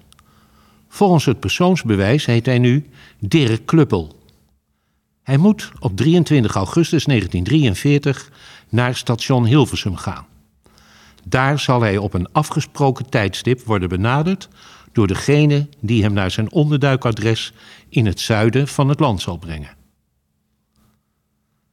Alex weet niet dat zijn persoonsbewijs echt is en dat alleen de foto is vervangen. Ook weet hij niet dat Dirk Kluppel wordt gezocht omdat hij nog zeven maanden gevangenisstraf moet uitzitten. Op station Hilversum heeft Alex de pech dat de politie zijn persoonsbewijs wil zien. Hij wordt meteen gearresteerd en ziet weinig andere mogelijkheden dan toe te geven dat hij degene is voor wie hij zich uitgeeft. Het gevolg is dat hij naar Arnhem wordt gebracht om daar de straf van Dirk Kluppel uit te zitten. Alex is er helemaal niet gerust op. Er staat een vingerafdruk van de echte Dirk Kluppel op het persoonsbewijs. De ondergrondse kan wel een foto vervangen, maar geen vingerafdruk vervalsen. Nadat Alex is verhoord en zijn vingerafdruk is afgenomen, moet hij bij de gevangenisdirecteur komen. Hij vreest het ergste. Maar de directeur zegt: Jij bent knuppel helemaal niet en jij heeft dus ook geen zeven maanden te zitten. Zodra Alex wordt vrijgelaten, duikt hij onmiddellijk onder. Reitsema wordt opgepakt. Op het Rapenburg komen regelmatig gasten langs die een tijdelijke slaapplaats nodig hebben. Een van hen is de latere Afro-journalist Jaap van Meekeren, die een functie heeft bij de Joodse Raad en al van alles heeft geprobeerd om als niet-Jood te worden aangemerkt. Zo heeft hij een Hondurees paspoort gekocht, in de hoop daarmee onder deportatie uit te komen. Op 2 augustus 1943 doet een van de Duitse geheime diensten, de SD, de Sicherheidsdienst, een inval. Ze zijn om een of andere reden op zoek naar Joden met een Hondurees paspoort. Van Meekeren slaagt erin te vluchten, maar de Duitsers treffen een nog warm bed aan. Rijtsema weigert de SD te vertellen wie het had beslapen. Zelfs niet als hem zijn tanden uit zijn mond slaan. En daarop nemen ze hem gevangen. Van Meekeren wil zichzelf aangeven om Rijtsema te redden, maar wordt door anderen tegengehouden omdat men ervan uitgaat dat hij wel weer vrijgelaten zou worden. De Joodse invalide. Terwijl Rijtsema in de gevangenis zit, worden de laatste overgebleven bewoners van de Bergstichting, waarschijnlijk zijn dat er niet meer dan twintig, door de Duitsers overgebracht naar de Joodse invalide op het Weesperplein, een instelling voor de verpleging van bejaarden en gehandicapten. Sommigen mogen dankzij een positieve beslissing van Kalmeijer alsnog hun ster afdoen. Flip Prins wordt overgeplaatst naar het burgerweeshuis, waar ze niet weten dat hij eigenlijk Joods is.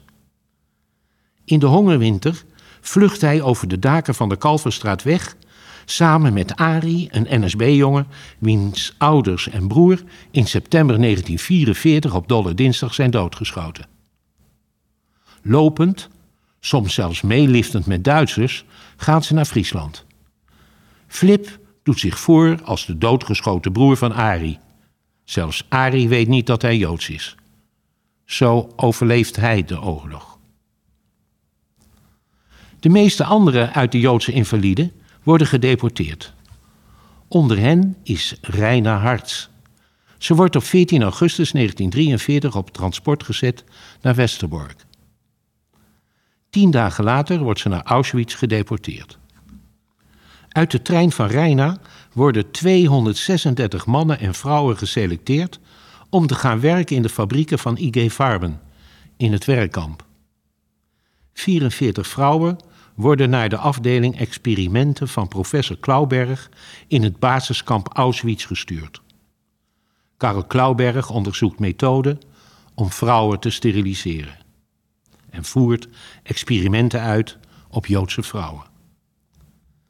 De andere 765 mannen en vrouwen, waaronder Reina, worden meteen na aankomst in Auschwitz-Birkenau vergast. Sintje Gobet. Na drie weken gevangenschap wordt Rijtsma vrijgelaten. Omdat de Bergstichting de facto niet meer bestaat, verhuist hij terug naar Laren. Op 18 januari 1944 woont hij op de werkdroger 6. Ook dan doet hij nog zijn best voor zijn pupillen. Een van hen is Sintje Gobets. In januari 1944 zit Sintje inmiddels in Westerbork, waar ze beweert dat ze een niet-Joodse moeder heeft. De Joodse Raad vraagt Rijtsema of hij daarover meer kan vertellen. Rijtsema antwoordt op 18 januari Gezien het milieu waaruit de moeder stamt, acht ik het zeer wel mogelijk dat deze niet Jood zou zijn, zodat het mijns inziens in ieder geval geboden is een onderzoek naar de afstamming van moeder en kind in te stellen. Vrijdag aanstaande hoop ik u te bezoeken. Ik zal inmiddels trachten meerdere gegevens te verzamelen en deze bij mijn bezoek te uwend mede te brengen. Het mag niet meer baten. Op 28 januari 1944 wordt de negenjarige Sientje in Auschwitz vergast. De arbeidseinsatz. Al in april 1943 heeft Hitler verordeneerd dat alle mannen die in 1940 deel uitmaakten van het Nederlandse leger in Duitsland moeten gaan werken in de industrie of de landbouw. Tenzij ze in Nederland onmisbaar zijn. Ze moeten de plaats innemen van Duitsers die bij de Weermacht dienst doen. Om aan de arbeidseinsatz te ontkomen, duikt Jan Rijtsema op een gegeven moment onder in Laren, net als vele andere Nederlandse mannen. Tijdens de oorlog worden 48 kinderen en vier stafleden van de Bergstichting vermoord door de Duitsers. Daartoe behoren de laatste bewoners van de Bergstichting, die in augustus 1943 vanuit de Joodse invaliden worden weggevoerd, en degene voor wie Reitsema alsnog een onderduikadres vindt, maar worden verraden en gedeporteerd. Het is niet precies bekend hoeveel pupillen en stafleden tussen 10 mei 1940 en augustus 1943 op enig moment op de Bergstichting wonen. Maar het zijn er zeker meer dan 120. Van dat aantal overleven er minimaal 70 de oorlog. Zij maken de bevrijding van Nederland op 5 mei mee. En dat is niet in de laatste plaats te danken aan de inspanningen van Jan Rijtsema. Burgemeester Nanning Mol leest De strijd om het kind. De strijd om het Joodse kind. Na de oorlog speelt zich boven de hoofden van de oorlogswezen een enorme strijd af. Het begint allemaal met de door de regering opgerichte Commissie voor Oorlogspleegkinderen, de OPK, die op 13 augustus 1945 is ingesteld. De commissie heeft tot taak ondergedoken kinderen op te sporen om tijdelijk de voogdij over hen uit te oefenen. In de naoorlogse chaos lijkt dat op zich een goede zaak. Het probleem is echter dat de meerderheid van de commissie uit niet-Joden bestaat, terwijl bijna 100% van de ondergedoken kinderen Joods is. De voorzitter van de OPK is Gesina van der Molen. Zij heeft in de oorlog belangrijk verzetswerk gedaan en het leven gered van vele Joodse kinderen. Zij houdt echter geen rekening met het feit of de kinderen wel of niet Jood zijn, terwijl dat voor de kinderen zelf wel kan uitmaken. De Joodse organisaties zien aankomen dat vele Joodse kinderen in niet-Joodse gezinnen zullen worden opgevoed. Op 30 augustus 1945 richten ze daarom een eigen Joodse voogdijstichting op. Stichting Le Ezrat Ha Yelet. Om het kind te helpen. Le Ezrat Ha Yelet voert regelmatig overleg met de OPK en bespreekt met hen concrete gevallen van Joodse weeskinderen. Neem bijvoorbeeld het Joodse jongetje dat ondergedoken heeft gezeten bij niet-Joodse pleegouders. Ook na de oorlog spreekt men in dat gezin niet over het feit dat hij Joods is. De OPK laat het kind desondanks bij de pleegouders, waardoor het kind niet in contact komt met het Joodse geloof. Leesrat Hayelet staat op het punt, standpunt dat men het op die manier onmogelijk maakt om de innerlijke spanningen van de jongen op te lossen. Binnen de OPK overheerst de mening dat het beter voor de kinderen is om ze bij hun pleegouders te laten, ook als die niet Jood zijn. Het weghalen van het kind bij de pleegouders zou volgens de OPK ernstige psychische trauma's veroorzaken. De Joodse organisatie denkt daar dus anders over, net als Rijtsema, maar dan op andere gronden. Rijtsma stelt dat zijn praktijkervaringen laten zien dat er in de regel geen ernstige schade wordt toegebracht aan een kind dat van zijn ouders wordt gescheiden. En dat het bij pleegouders nog minder het geval zou zijn. Meerdere keren wordt een kind in een Joods milieu teruggeplaatst. Vaak is het een gevecht. Soms wil een kind zelf niet weg bij zijn niet-Joodse pleegouders, omdat het daar liefde en geborgenheid ervaart. Moutje Cohen, die zal worden ondergebracht bij de zus van zijn moeder, die met een niet-Jood is getrouwd, wil daar eigenlijk ook helemaal niet naartoe. Een nieuwe generatie in de Bergstichting. Slachtoffers van de Holocaust. De eerste jaren na de oorlog zijn alle pupillen slachtoffers van de Holocaust. Een klein aantal zat al voor of tijdens de oorlog in de Bergstichting, zoals Mosje Grootkerk, die zich weer snel thuis voelt. Sommige oude pupillen hebben wel eens moeite met de veranderingen. Later vertelt er een: Wij voelden echt dat die andere kinderen voorgetrokken werden. Wij van voor de oorlog waren maar gestichtskinderen. En met ons konden ze alles doen. We werden als vullers behandeld. Ze hadden geen personeel genoeg, daarom moesten we helpen. We hadden geen vrije tijd, niets. Maar wij waren toch ook ondergedoken geweest? Hun reactie is voorstelbaar, maar ook het standpunt van Rijtsema is te begrijpen. Hij heeft moeite om Joods personeel te vinden en zet daarom de oudere pupillen in om te helpen.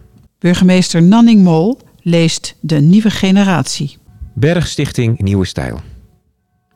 De kinderen wonen na de oorlog in gemengde gezinsgroepen, verspreid over de diverse gebouwen. Om de nieuwe structuur te kunnen effectueren, wordt er drastisch verbouwd. Voor de oorlog bevond zich achter op het terrein het jongenshuis. Daartussenin stond een gebouw dat als zieke, ziekenboeg was ingericht. De Rijtsema's hadden de beschikking over een eigen directeurswoning. Dat verandert allemaal. Bij het tot stand komen van de nieuwe structuur spelen de Rijtsema's, maar zeker ook Leo Kehen en zijn vrouw Riek een grote rol. Leo is in 1937 op de Bergstichting komen werken. In 1945 wordt hij adjunct-directeur. Als eerste verantwoordelijke voor de Joodse manier van leven is hij in feite de religieuze leider van de Bergstichting.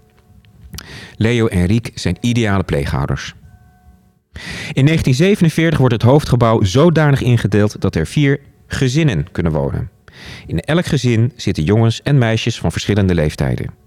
Het vroegere jongenshuis heet voortaan Ons Huis. In 1947 woont er een groot gezin van 27 kinderen, waar oom Leo en tante Riek de leiding hebben. Het voormalige ziekenhuisje is ook verbouwd en heet nu de Paddenstoel. In 1947 wonen daar vier meisjes en vier jongens. De vroegere directeurswoning wordt het Zonnehuis. Hier wonen in 1947 vijf meisjes en zes jongens. In die naoorlogsperiode zijn het opnieuw Jan en Tine Rijtsema die de Bergstichting leiden. Jan Rijtsema stuurt de inrichting met vaste hand aan. Streng als het nodig is en verder gewoon aardig. Hij vertegenwoordigt de stichting naar buiten en komt bekwaam op voor de belangen van het tehuis. Hij wordt dan ook door iedereen gerespecteerd. Tine is in de huishouding alomtegenwoordig. Net als iedere andere moeder van een groot gezin ziet ze erop toe dat iedereen goed wordt verzorgd en dat er nu en dan iets leuks gebeurt of dat er op iets lekkers wordt getrakteerd.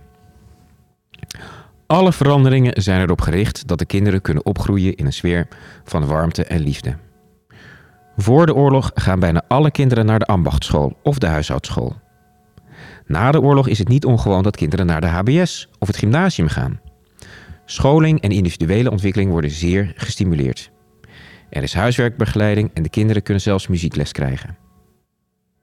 Chanukka en Purim. Er is veel aandacht voor sport, feestdagen en verjaardagen.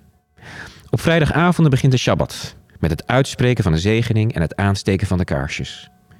Er wordt gezellig gegeten en er worden spelletjes gedaan. Men kijkt ook altijd uit naar de Joodse feestdagen, zoals Chanukka en Purim. Chanukka is het feest van de lichtjes. Iedereen moet van tevoren een loodje trekken en voor, diegene, en voor diegene een cadeau maken. Het feest is te vergelijken met Sinterklaas of Kerst, ook omdat het in dezelfde tijd wordt gevierd. Purim valt in het vroege voorjaar. Er gaat een dag van vasten vooraf. Het feest verwijst naar de vijfde eeuw voor het begin van onze jaartelling, toen in Babylonië een poging om het Joodse volk uit te roeien werd verijdeld. Purim is een verkleedfeest. Er worden toneelstukjes opgevoerd waar al maanden van tevoren aan wordt gewerkt. Verder staat de hele gang vol stalletjes met lekkere dingen. Oud-Bergstichting-bewoner Femke Roos Meijer leest Berthe en Femke. Berthe en Femke Meijer, de zevenjarige Berthe Meijer en haar drie jaar jongere zusje Femke arriveren op 30 juni 1945. Ze komen beide uit Bergen-Belsen. Omdat bij Femke TBC is geconstateerd, wordt ze eerst tot 22 februari 1946 in het ziekenhuis in Amsterdam opgenomen. De Bergstichting, die Berthe en Femke aantreffen, is een hele andere instelling dan voor de oorlog. Het is nu een instituut waar ouderloze kinderen, die de meest vreselijke dingen hebben doorgemaakt, worden verzorgd en opgevoed. De uniforme kleding is verdwenen, net als de strikte scheiding tussen jongens en meisjes. De leiders worden tegenwoordig oom en tante genoemd. Meneer Rijtsema mag met oom Jan worden aangesproken. Mevrouw heet voortaan tante Tine. In het algemeen komen de kinderen nu, wel, nu uit welvarende milieus. Berthe Meijer beschrijft in haar leven naar Anne Frank het mooie vooroorlogse interieur bij hen thuis. Ze vindt het meubilair van Bergstichting afschuwelijk en troosteloos. De gordijnen zijn rafelig, de meubels versleten en de vloeren zijn van koud graniet. Het eten vindt ze eentonig en smakeloos. Dat ligt niet zozeer aan het niet-Joodse juffrouw Bus, die in de keuken de scepter zwaait, en ook niet aan Flora Hamme, die erop toeziet dat het eten kosher wordt bereid. Het is een gewone Hollandse pot, waar de latere kookboekenschrijfster Berthe absoluut geen plezier aan, aan beleeft. Voorstellen om het menu wat meer te variëren worden altijd door mevrouw Rijtsema getorpedeerd. Aan haar beslissingen valt niet te tornen. Stampot op maandag, want dan is het na de zondag makkelijker voor de keuken. Op dinsdag gehaktballen, zodat het oude brood kan worden opgemaakt. De Bergstichting is geen sterrenrestaurant, maar de liefde van juffrouw Bus voor de kinderen is evenredig aan haar omvang en die is enorm. Betty Sluiter. Een van de andere nieuwe pupillen is Betty Sluiter. Ze heeft ondergedoken gezeten en na de oorlog wordt ze door de OPK in meerdere pleeggezinnen ge- geplaatst. Aanvankelijk wordt Betty ondergebracht in de Zaanstreek, bij mensen die het, lastig, die het een lastig kind met geweld in een gereel proberen te krijgen. Daarna vindt de OPK een antroposofisch gezin voor haar, waar men een zeer negatieve opinies over de Joden en de Jodendom op, op te houden. Vervolgens wordt Betty naar een tante gestuurd die al moeite genoeg heeft om haar eigen kinderen op te voeden. En ook nog eens een man heeft die vreemd gaat. Tante wil die onmogelijke Betty alweer na een jaar kwijt. En zo komt Betty in 1952 in de Bergstichting terecht. Een meisje van nog geen twaalf jaar, die heel ongelukkig is en denkt: ik deug niet. Met mij is iets mis. Zelfs de leiding begrijpt haar niet. Ook door hen wordt Betty als een lastig kind beschouwd. Na verloop van tijd overwegen ze haar over te plaatsen naar een strenge inrichting in Nijmegen. Er zitten meisjes die in de prostitutie hebben gezeten en andere ernstige probleemgevallen. Betty is nog net niet weggestuurd, als de oplossing zich aandient in de figuur van Corrie T., de nieuwe leidster van haar groep. Corrie is maar een paar jaar ouder dan Betty en het lijkt haar juist leuk om een wat ouder meisje in de groep te hebben. Ze vraagt of ze het mag proberen met Betty. Het klikt meteen tussen hen. Corrie nodigt Betty regelmatig op haar kamer uit en ze kletste heel wat af. Ook roken ze wel eens samen een sigaretje. Langzaam bloeit Betty op. Ze realiseert zich dat ze wel deugt en dat ze ook wat waard is.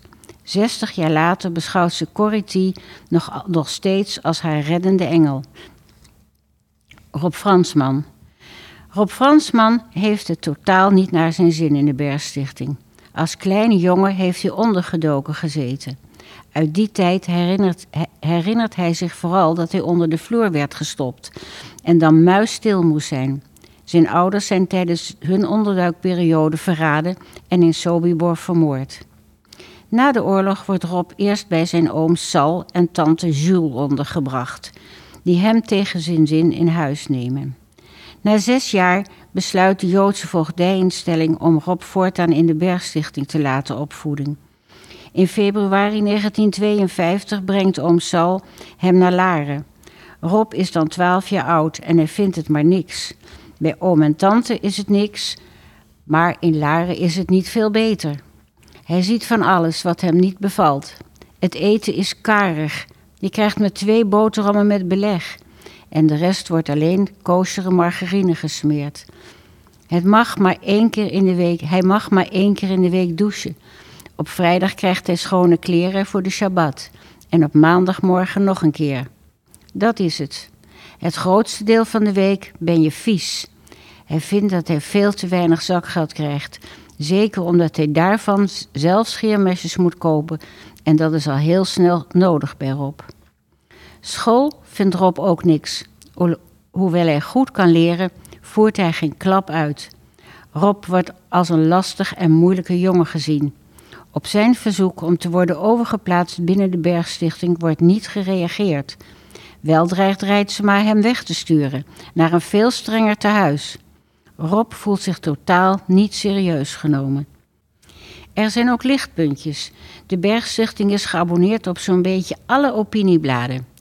Ook kan er naar jazzmuziek worden geluisterd.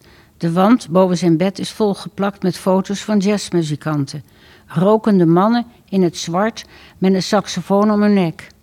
Jazz is razend populair in de jaren 50. Er komen zelfs jongens uit het dorp naar de Bergstichting om naar muziek te luisteren, waaronder kunstschilder Paul de Lucanet. Trudy Ascher. Trudy is een vrolijk kind dat zeven jaar lang een fijne tijd heeft op de Bergstichting. Toch heeft ze een lange geschiedenis van, van pleeggezinnen achter de rug. Haar zevende en laatste onderduikadres is in Friesland.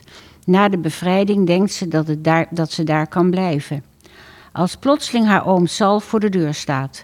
Ze herkent hem nauwelijks. Hoewel ze het naar haar zin heeft bij de Friese Heid en Mem, gaat ze toch met hem mee. Het eigen trok, zegt ze daarover veel later. Erg aardig zijn oom en tante niet. Om haar dankbaarheid te leren, laten ze Trudy een week doorbrengen in een NSB-gezin waarvan de vader gevangen zit. Ze herinnert zich een volkomen leeg huis zonder meubels, waarop de houten vloer werd geslapen en er vlooien en luizen waren. Na een jaar bij haar oom en tante te hebben gewoond, moet ze daar toch weg. Ze komt eerst nog een poosje in een huis van een andere tante, voordat ze uiteindelijk op een mooie septemberdag op de Bergstichting arriveert. Ze is dan twaalf jaar oud. Er hangt een goede sfeer. Op het terrein ziet ze overal spelende en fietsende kinderen.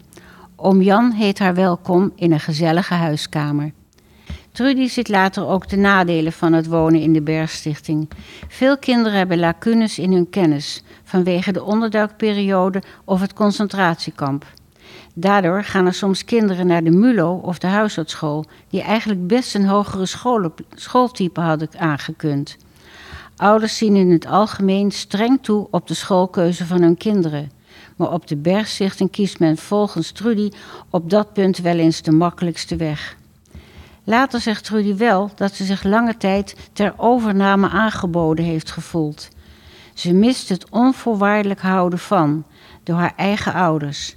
Haar vader, slager Salomon Jacobs, is op 31 oktober 1941 vermoord in Mauthausen. Haar moeder, Betje Jacobs Goldstein, op 22 oktober 1943 in Auschwitz.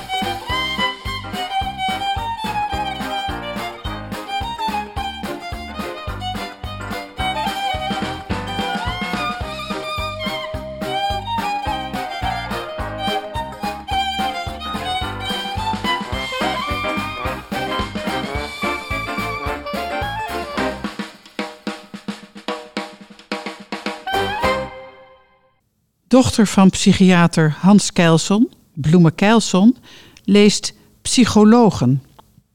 De psychologen. Psychologische tests. Over de holocaust wordt in de Bergstichting nooit gesproken. Wel vertelt Reitsema af en toe over het begin van de oorlog of over de gebeurtenissen in Amsterdam. Nooit heeft hij over het lot van de gedeporteerde Joden. Onderling praten de kinderen er ook niet over. Dat neemt niet weg dat de oorlogswezen bijna allemaal zijn getraumatiseerd. Ze hebben hulp nodig. Zowel de Joodse voogdijvereniging als Reitsema beseffen dat. Er worden experts aangetrokken, psychiater Bertolt Stokvis en psycholoog S.J. Fles. Een van de manieren waarop zij greep op de problematiek trachtte te krijgen is door de pupillen tests te laten maken. Trudy Ascher herinnert zich tests over het je aanpassen aan de gemeenschap, hoe je omgaat met het feit dat je geen ouders meer hebt, tests over heimwee en nog veel meer. Dr. Stokvis laat de kinderen hun traumatische ervaringen ook wel herbeleven in toneelstukjes. Na verloop van tijd krijgen de kinderen er schoon genoeg van. Vooral hebben ze een hekel aan de intelligente testen. Ze voelen dat daarmee beoordeeld wordt hoe slim ze zijn en daar hebben ze geen zin in. De psychologen staan voor een moeilijke taak. Ze hebben nooit eerder te maken gekregen met op deze wijze getraumatiseerde kinderen.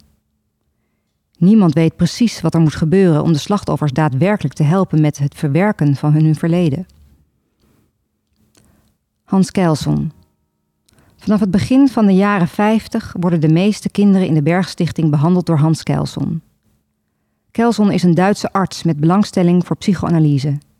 Hij woont sinds 1936 in Nederland omdat hij als Jood in Duitsland gevaar liep en er ook geen werk kon vinden.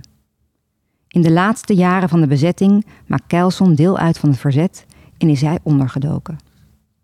Omdat zijn Duitse diploma niet wordt erkend, volgt Kelson na de oorlog een Nederlandse opleiding tot arts. Daarna specialiseert hij zich en in september 1951 vestigt hij zich als zenuwarts in Naarden. Behalve arts is Kelson leraar en schrijver. Op 5 augustus 2010 verschijnt in de New York Times een recensie van twee van zijn boeken. De krant roept de dan 100-jarige Kelson uit tot een genie en noemt hem een van 's werelds grootste schrijvers. Een van de boeken is getiteld In de band van de tegenstander. Kelson begint met het schrijven ervan in de oorlog, maar het verschijnt pas in 1959. Het gaat over een leider die een groep demoniseert, zoals Hitler dat met de Joden heeft gedaan. In romanvorm analyseert Kelson onder meer het mechanisme van de demonisering. In een interview zegt hij hierover: Het is het thema dat de naties hun eigen afgronden, alles wat ze niet in zichzelf wilden zien, op de Joden hebben geprojecteerd. En de naties hebben hun eigen driften, hun eigen instincten niet herkend. Ze begrepen niet dat wat ze over de Joden zeiden hun eigen teksten waren, hun eigen inhoud. Het leidde tot hun ondergang. Hitler heeft zichzelf omgebracht, Goebbels zijn kinderen, daarna zichzelf. Een vijand is niet iemand die jou iets afneemt of zwakker maakt. Een vijand is iemand in wie jij dingen ziet die je niet in jezelf wilt zien.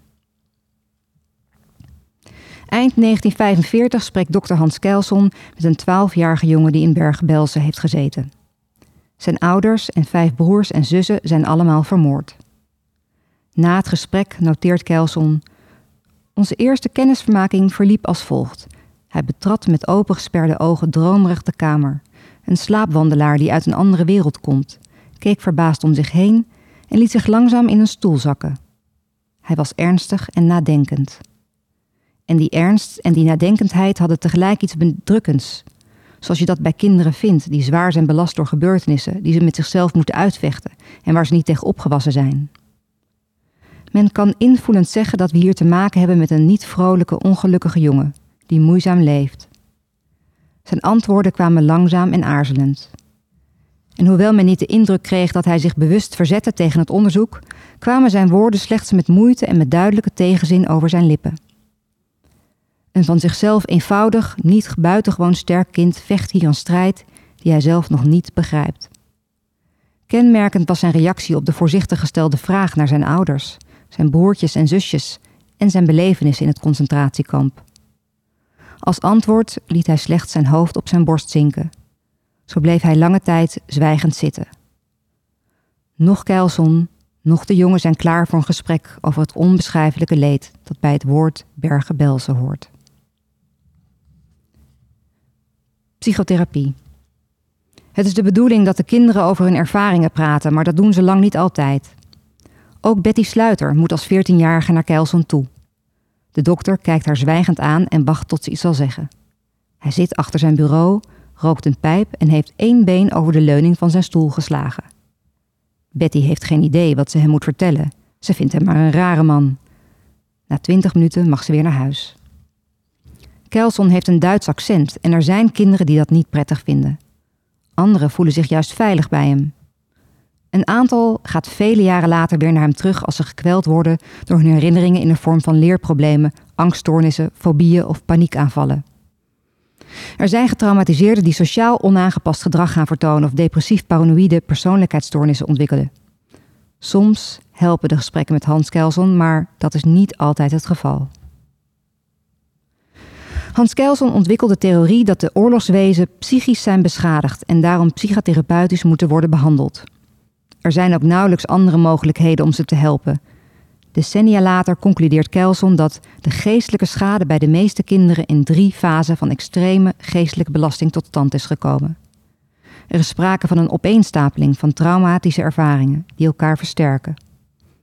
De theorie van Kelson maakt onderscheid tussen de periode voorafgaand, tijdens en na de onderduik of het concentratiekamp. In de laatste fase komt het kind in een pleeggezin of in een tehuis terecht, zoals de Bergstichting. In die periode wordt het kind geconfronteerd met de gevolgen. In deze derde fase van traumatisering zijn er gevoelens van onzekerheid, verbittering, vereenzaming, teleurstelling, verdriet en angst. Kelson noemt die periode sequenties en zijn theorie heet de theorie van de sequentiële traumatisering. Vooral de impact van die laatste periode mag volgens Kelson niet worden onderschat. Auteurs Ineke Hilhorst en Teun Koetsier lezen Israël. Antisemitisme bestaat al ver voordat Adolf Hitler wordt geboren. Bijvoorbeeld in Rusland en Polen. Er is zelfs een speciaal woord voor. Het Russische pogrom. Het betekent het zonder reden aanvallen van een weerloze groep, waarbij wordt geplunderd, vernield, mishandeld en gemoord. In Rusland en Polen had men het daarbij speciaal gemunt op Joden. Alia. Zionisme is de overtuiging dat er voor de Joden maar één uitweg bestaat om aan het antisemitisme te ontkomen. Dat is terugkeren naar de plek waar het Joodse volk ooit leefde, Israël. Zionisten zijn van mening dat de Joden rond het begin van onze jaartelling uit hun land zijn verdreven. Sindsdien leeft het Joodse volk in diaspora. De Joden gebruiken voor de emigratie naar Israël het woord alia, opstijging. Al voor de Tweede Wereldoorlog steunden de Britten het idee van een Joodse staat in het Midden-Oosten. Door de Holocaust raakt de wens om dat te realiseren in een stroomversnelling. Op 14 mei 1948 wordt de staat Israël uitgeroepen. Weldra erkennen grootmachten als de Verenigde Staten en de Sovjet-Unie de nieuwe natie. Leo Cohen en zijn vrouw zijn wild enthousiast. Eindelijk bestaat er een veilige plek voor het Joodse volk. Op de Bergstichting staat men achter Israël, hoewel niet iedereen er naartoe wil. De beslissing om de staat Israël uit te roepen is gebaseerd op resolutie 181 van de Algemene Vergadering van de Verenigde Naties, die ook voorziet in de oprichting van een Palestijnse staat. Jeruzalem zou een speciale status moeten krijgen. De Palestijnen en de Arabieren in de omringende landen zijn het er niet mee eens. In hun ogen lijken de Britten, de Verenigde Naties en de Joden, die zich in steeds grotere aantallen in Israël vestigen, de dienst uit te maken. Een dag na het uitroepen van de nieuwe staat breekt de oorlog uit. De Arabisch-Israëlische oorlog van 1948. Vijf Arabische landen vallen Israël aan. De oorlog wordt gewonnen door Israël. Het is niet de laatste oorlog tussen Israël en de buurlanden. Op 1 april 1951 vertrekken Leo en Rick Cohen met 23 kinderen tussen de 13 en de 17 jaar naar het beloofde land. Reitsema heeft aanvankelijk zijn bedenkingen. Hij vraagt zich af of het wel voldoende doordacht is en of de kinderen zich niet al te veel laten meeslepen door de populaire oom Leo en tante Riek. Uiteindelijk stemt hij in met hun vertrek. Het jaar daarop volgt een tweede groep van 15 kinderen. Er zijn ook kinderen die niet in groepsverband vertrekken. Mosje Grootkerk verlaat in 1952 op zijn zeventiende de Bergstichting om alleen naar Israël te gaan. Hutkoffers. Als de eerste groep naar Israël gaat, wordt besloten dat alle pupillen een hutkoffer met een uitgebreide uitzet meekrijgen. Trudy Ascher vertrekt in 1954. De groene hutkoffer, nieuw en leeg, staat met open deksel in mijn slaapkamer. Het is net een hongerig beest met een opengesperde muil dat gevoerd wil worden. En gevoerd wordt hij.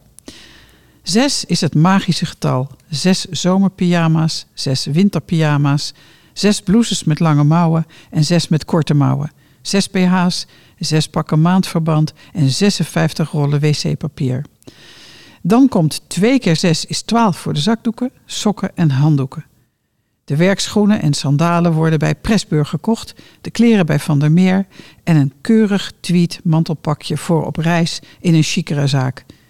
Het summum van alles is een tinnen theeservies dat er beslist bij moet van tante Tine. De inkoopmiddagen worden altijd besloten met iets lekkers bij restaurant Formosa in Hilversum. Op de laatste avond voor het vertrek wordt Trudy bij Jan Reitsema geroepen. Hij geeft haar een vaderlijke raad mee. Kindje, zegt hij, ga nooit met een man naar bed voordat je getrouwd bent. Ik wens je al het goede, hou het rechte pad. Vele jaren later schrijft Trudy: De beschermde wereld van de Bergstichting is een andere wereld. Voor sommigen een minder prettige tijd, voor anderen, waaronder ik, een fijne tijd. Carla van West, die in 1946 in de Bergstichting terechtkomt, maakt deel uit van de tweede groep pupillen die naar Israël emigreert. Dr. Stokvis heeft besloten dat het beter voor haar is. Carla heeft er wel zin in. De hutkoffer met de uitzet en het vooruitzicht van een mooie bootreis spreken haar wel aan. Maar het leven in Israël valt niet altijd mee. Er heerst armoede en er moet erg hard worden gewerkt. Bovendien is het er gevaarlijk. Vele jaren later in Israël beschouwt Carla haar zes jaar op de Bergstichting als de mooiste tijd van haar leven. Elke herinnering aan de concentratiekampen Bergen-Belsen en Theresienstad is uitgewist. Carla weet daarvan helemaal niets meer. Ooit is haar voorgesteld om met hypnose die herinneringen boven te halen. Dat wil ze niet. Ze vindt het wel goed zo. Vechtpartijen. Op weg naar school vult Carla altijd haar zakken met stenen. Ze moeten langs de katholieke school lopen, waar ze soms worden uitgescholden en bekogeld. Dat leidt tot vechtpartijen waarbij ze niet voor elkaar onderdoen. Sommige laarders herinneren zich die gevechten nog. De katholieken vechten niet alleen met de Joden, maar ook met de leerlingen van de school met de Bijbel. Volgens de overlevering wordt op een zeker moment besloten om de school met de Bijbel een kwartier eerder te laten beginnen, alleen maar om die confrontaties te voorkomen. Dorpschroniqueur Beb de Boer zit in 1946 op de openbare school. Hij loopt wel eens mee met de Joodse jongens naar de Bergstichting en heeft daar dan veel lol. Op een keer zien ze een film waarin iemand ontsnapt via aan elkaar geknoopte lakens. De Bergstichting heeft alles in huis om dat na te doen. Heel veel lakens en een lekker hoge eerste verdieping. Het gaat fantastisch, totdat een van de leiders door het raam een jongen aan een laken ziet hangen. Dan is het afgelopen met de pret. Andere bronnen bevestigen dat kinderen uit Laren gezellig komen buurten. Het afscheid. In de loop van de jaren 50 nemen de probleemgevallen onder de pupillen toe. Er zijn veel kinderen die na de oorlog niet goed zijn opgevangen en nu hun puberteit op de Bergstichting doorbrengen. Tegelijk neemt het totaal aantal pupillen af. In 1959 wonen er nog maar 32. Er zijn dan al plannen om alle kinderen die in Joodse kinderthuizen zitten bij elkaar onder te brengen in één huis. In 1963 verkoopt de Bergstichting de gebouwen en het terrein. De resterende stafleden en kinderen kunnen blijven tot de verhuizing in september 1965 naar het Joodse kinderthuis aan de Mirandalaan in Amsterdam. De herinneringen aan de Bergstichting vervagen snel. Bijna niemand in Laren kent de gruwelijke geschiedenis. De Rijtsema's maken de laatste jaren van de Bergstichting niet meer als directeurs-echtpaar mee. Rijtsema gaat in maart 1960 met pensioen en in 1962 maken hij en Tine samen een reis naar Israël. Jan Rijtsema overlijdt op 18 oktober 1968. Op 1 november van dat jaar schrijft het Nieuw Israëlitisch Weekblad: Zijn nagedachtenis zal steeds in ere worden genoemd. Yad Vashem. In de Torah, in het boek Jezaja, hoofdstuk 56, vers 5 staat: Ik zal hen ook in mijn huis en binnen mijn muren een plaats en een naam geven, beter dan der zonen en dan der dochteren. Een eeuwige naam zal ik een ieder van hen geven die niet uitgeroeid zal worden. Daarmee wordt bedoeld dat degene die God lief heeft, een plaats en een naam krijgt die vast ligt tot in alle eeuwigheid. De woorden een plaats en een naam luiden in het Hebreeuws Yad Vashem. Yad Vashem is de, is de naam van een instituut in Israël ter nagedachtenis aan de Holocaust. In de Joodse religie is het belangrijk dat de doden worden begraven en hun graven niet worden geschonden. De meeste slachtoffers van de Holocaust hebben geen graf. De hal der namen van Yad Vashem komt daarvoor in de plaats. Yad Vashem eert ook niet-Joden die Joden hebben geholpen met onderduiken, vluchten of overleven. In 1964 ontvangen Jan en Tine Reitsema de Yad Vashem onderscheiding. Nawoord. Nadat het personeel en de kinderen van de Bergstichting naar Amsterdam zijn verhuisd, neemt de Nationaal-Socialistische Volkswohlfahrt, NSV, een hulporganisatie van de Duitsers, het terrein in Laren in gebruik. In september 1944 verlaat de NSV het terrein weer. Dat komt omdat Zuid-Nederland dan wordt bevrijd en heel Nederland even denkt dat de oorlog voorbij is. Het geallieerde offensief loopt echter bij Arnhem vast. De oorlog zal nog vele maanden duren en het Duitse leger vestigt zich in de gebouwen van de Bergstichting. De laatste twee weken van de oorlog zitten er SS'ers. De stichting Rooms-Katholieke Lycea voor het Gooi wordt in 1963 de nieuwe eigenaar van de grond en de gebouwen van de Bergstichting. Op 18 december 1964 opent het lyceum een dependance. Onmiddellijk worden een aantal noodlokalen neergezet, vlak tegen de begraafplaats aan. De geschiedenis lijkt geen rol te spelen bij die ontwikkelingen. In het hoofdgebouw en ons huis worden leslokalen ingericht. Docenten en leerlingen lijken niet met het verleden bezig te zijn. In de herinneringen van de laders die in die tijd op het lyceum zitten, komen geen Joodse kinderen voor. In 1971 maken de oude gebouwen plaats voor nieuwbouw. Rector de Ridder kiest voor de naam Laar en Berg. Laar, omdat het een open plek in het bos aanduidt, waar Laren zijn naam aan te danken zou hebben. Berg, omdat op die plek ooit de Bergstichting was gevestigd. Als in de jaren 90 ook de noodlokalen worden afgebroken, zijn bijna alle verwijzingen naar het verleden verdwenen. Van de Bergstichting is in 2017 alleen nog de directeurswoning over. Bewoners Wil en Eti Hegge krijgen nog af en toe oud-pupillen van de Bergstichting op bezoek, op zoek naar herinneringen uit hun jeugdjaren.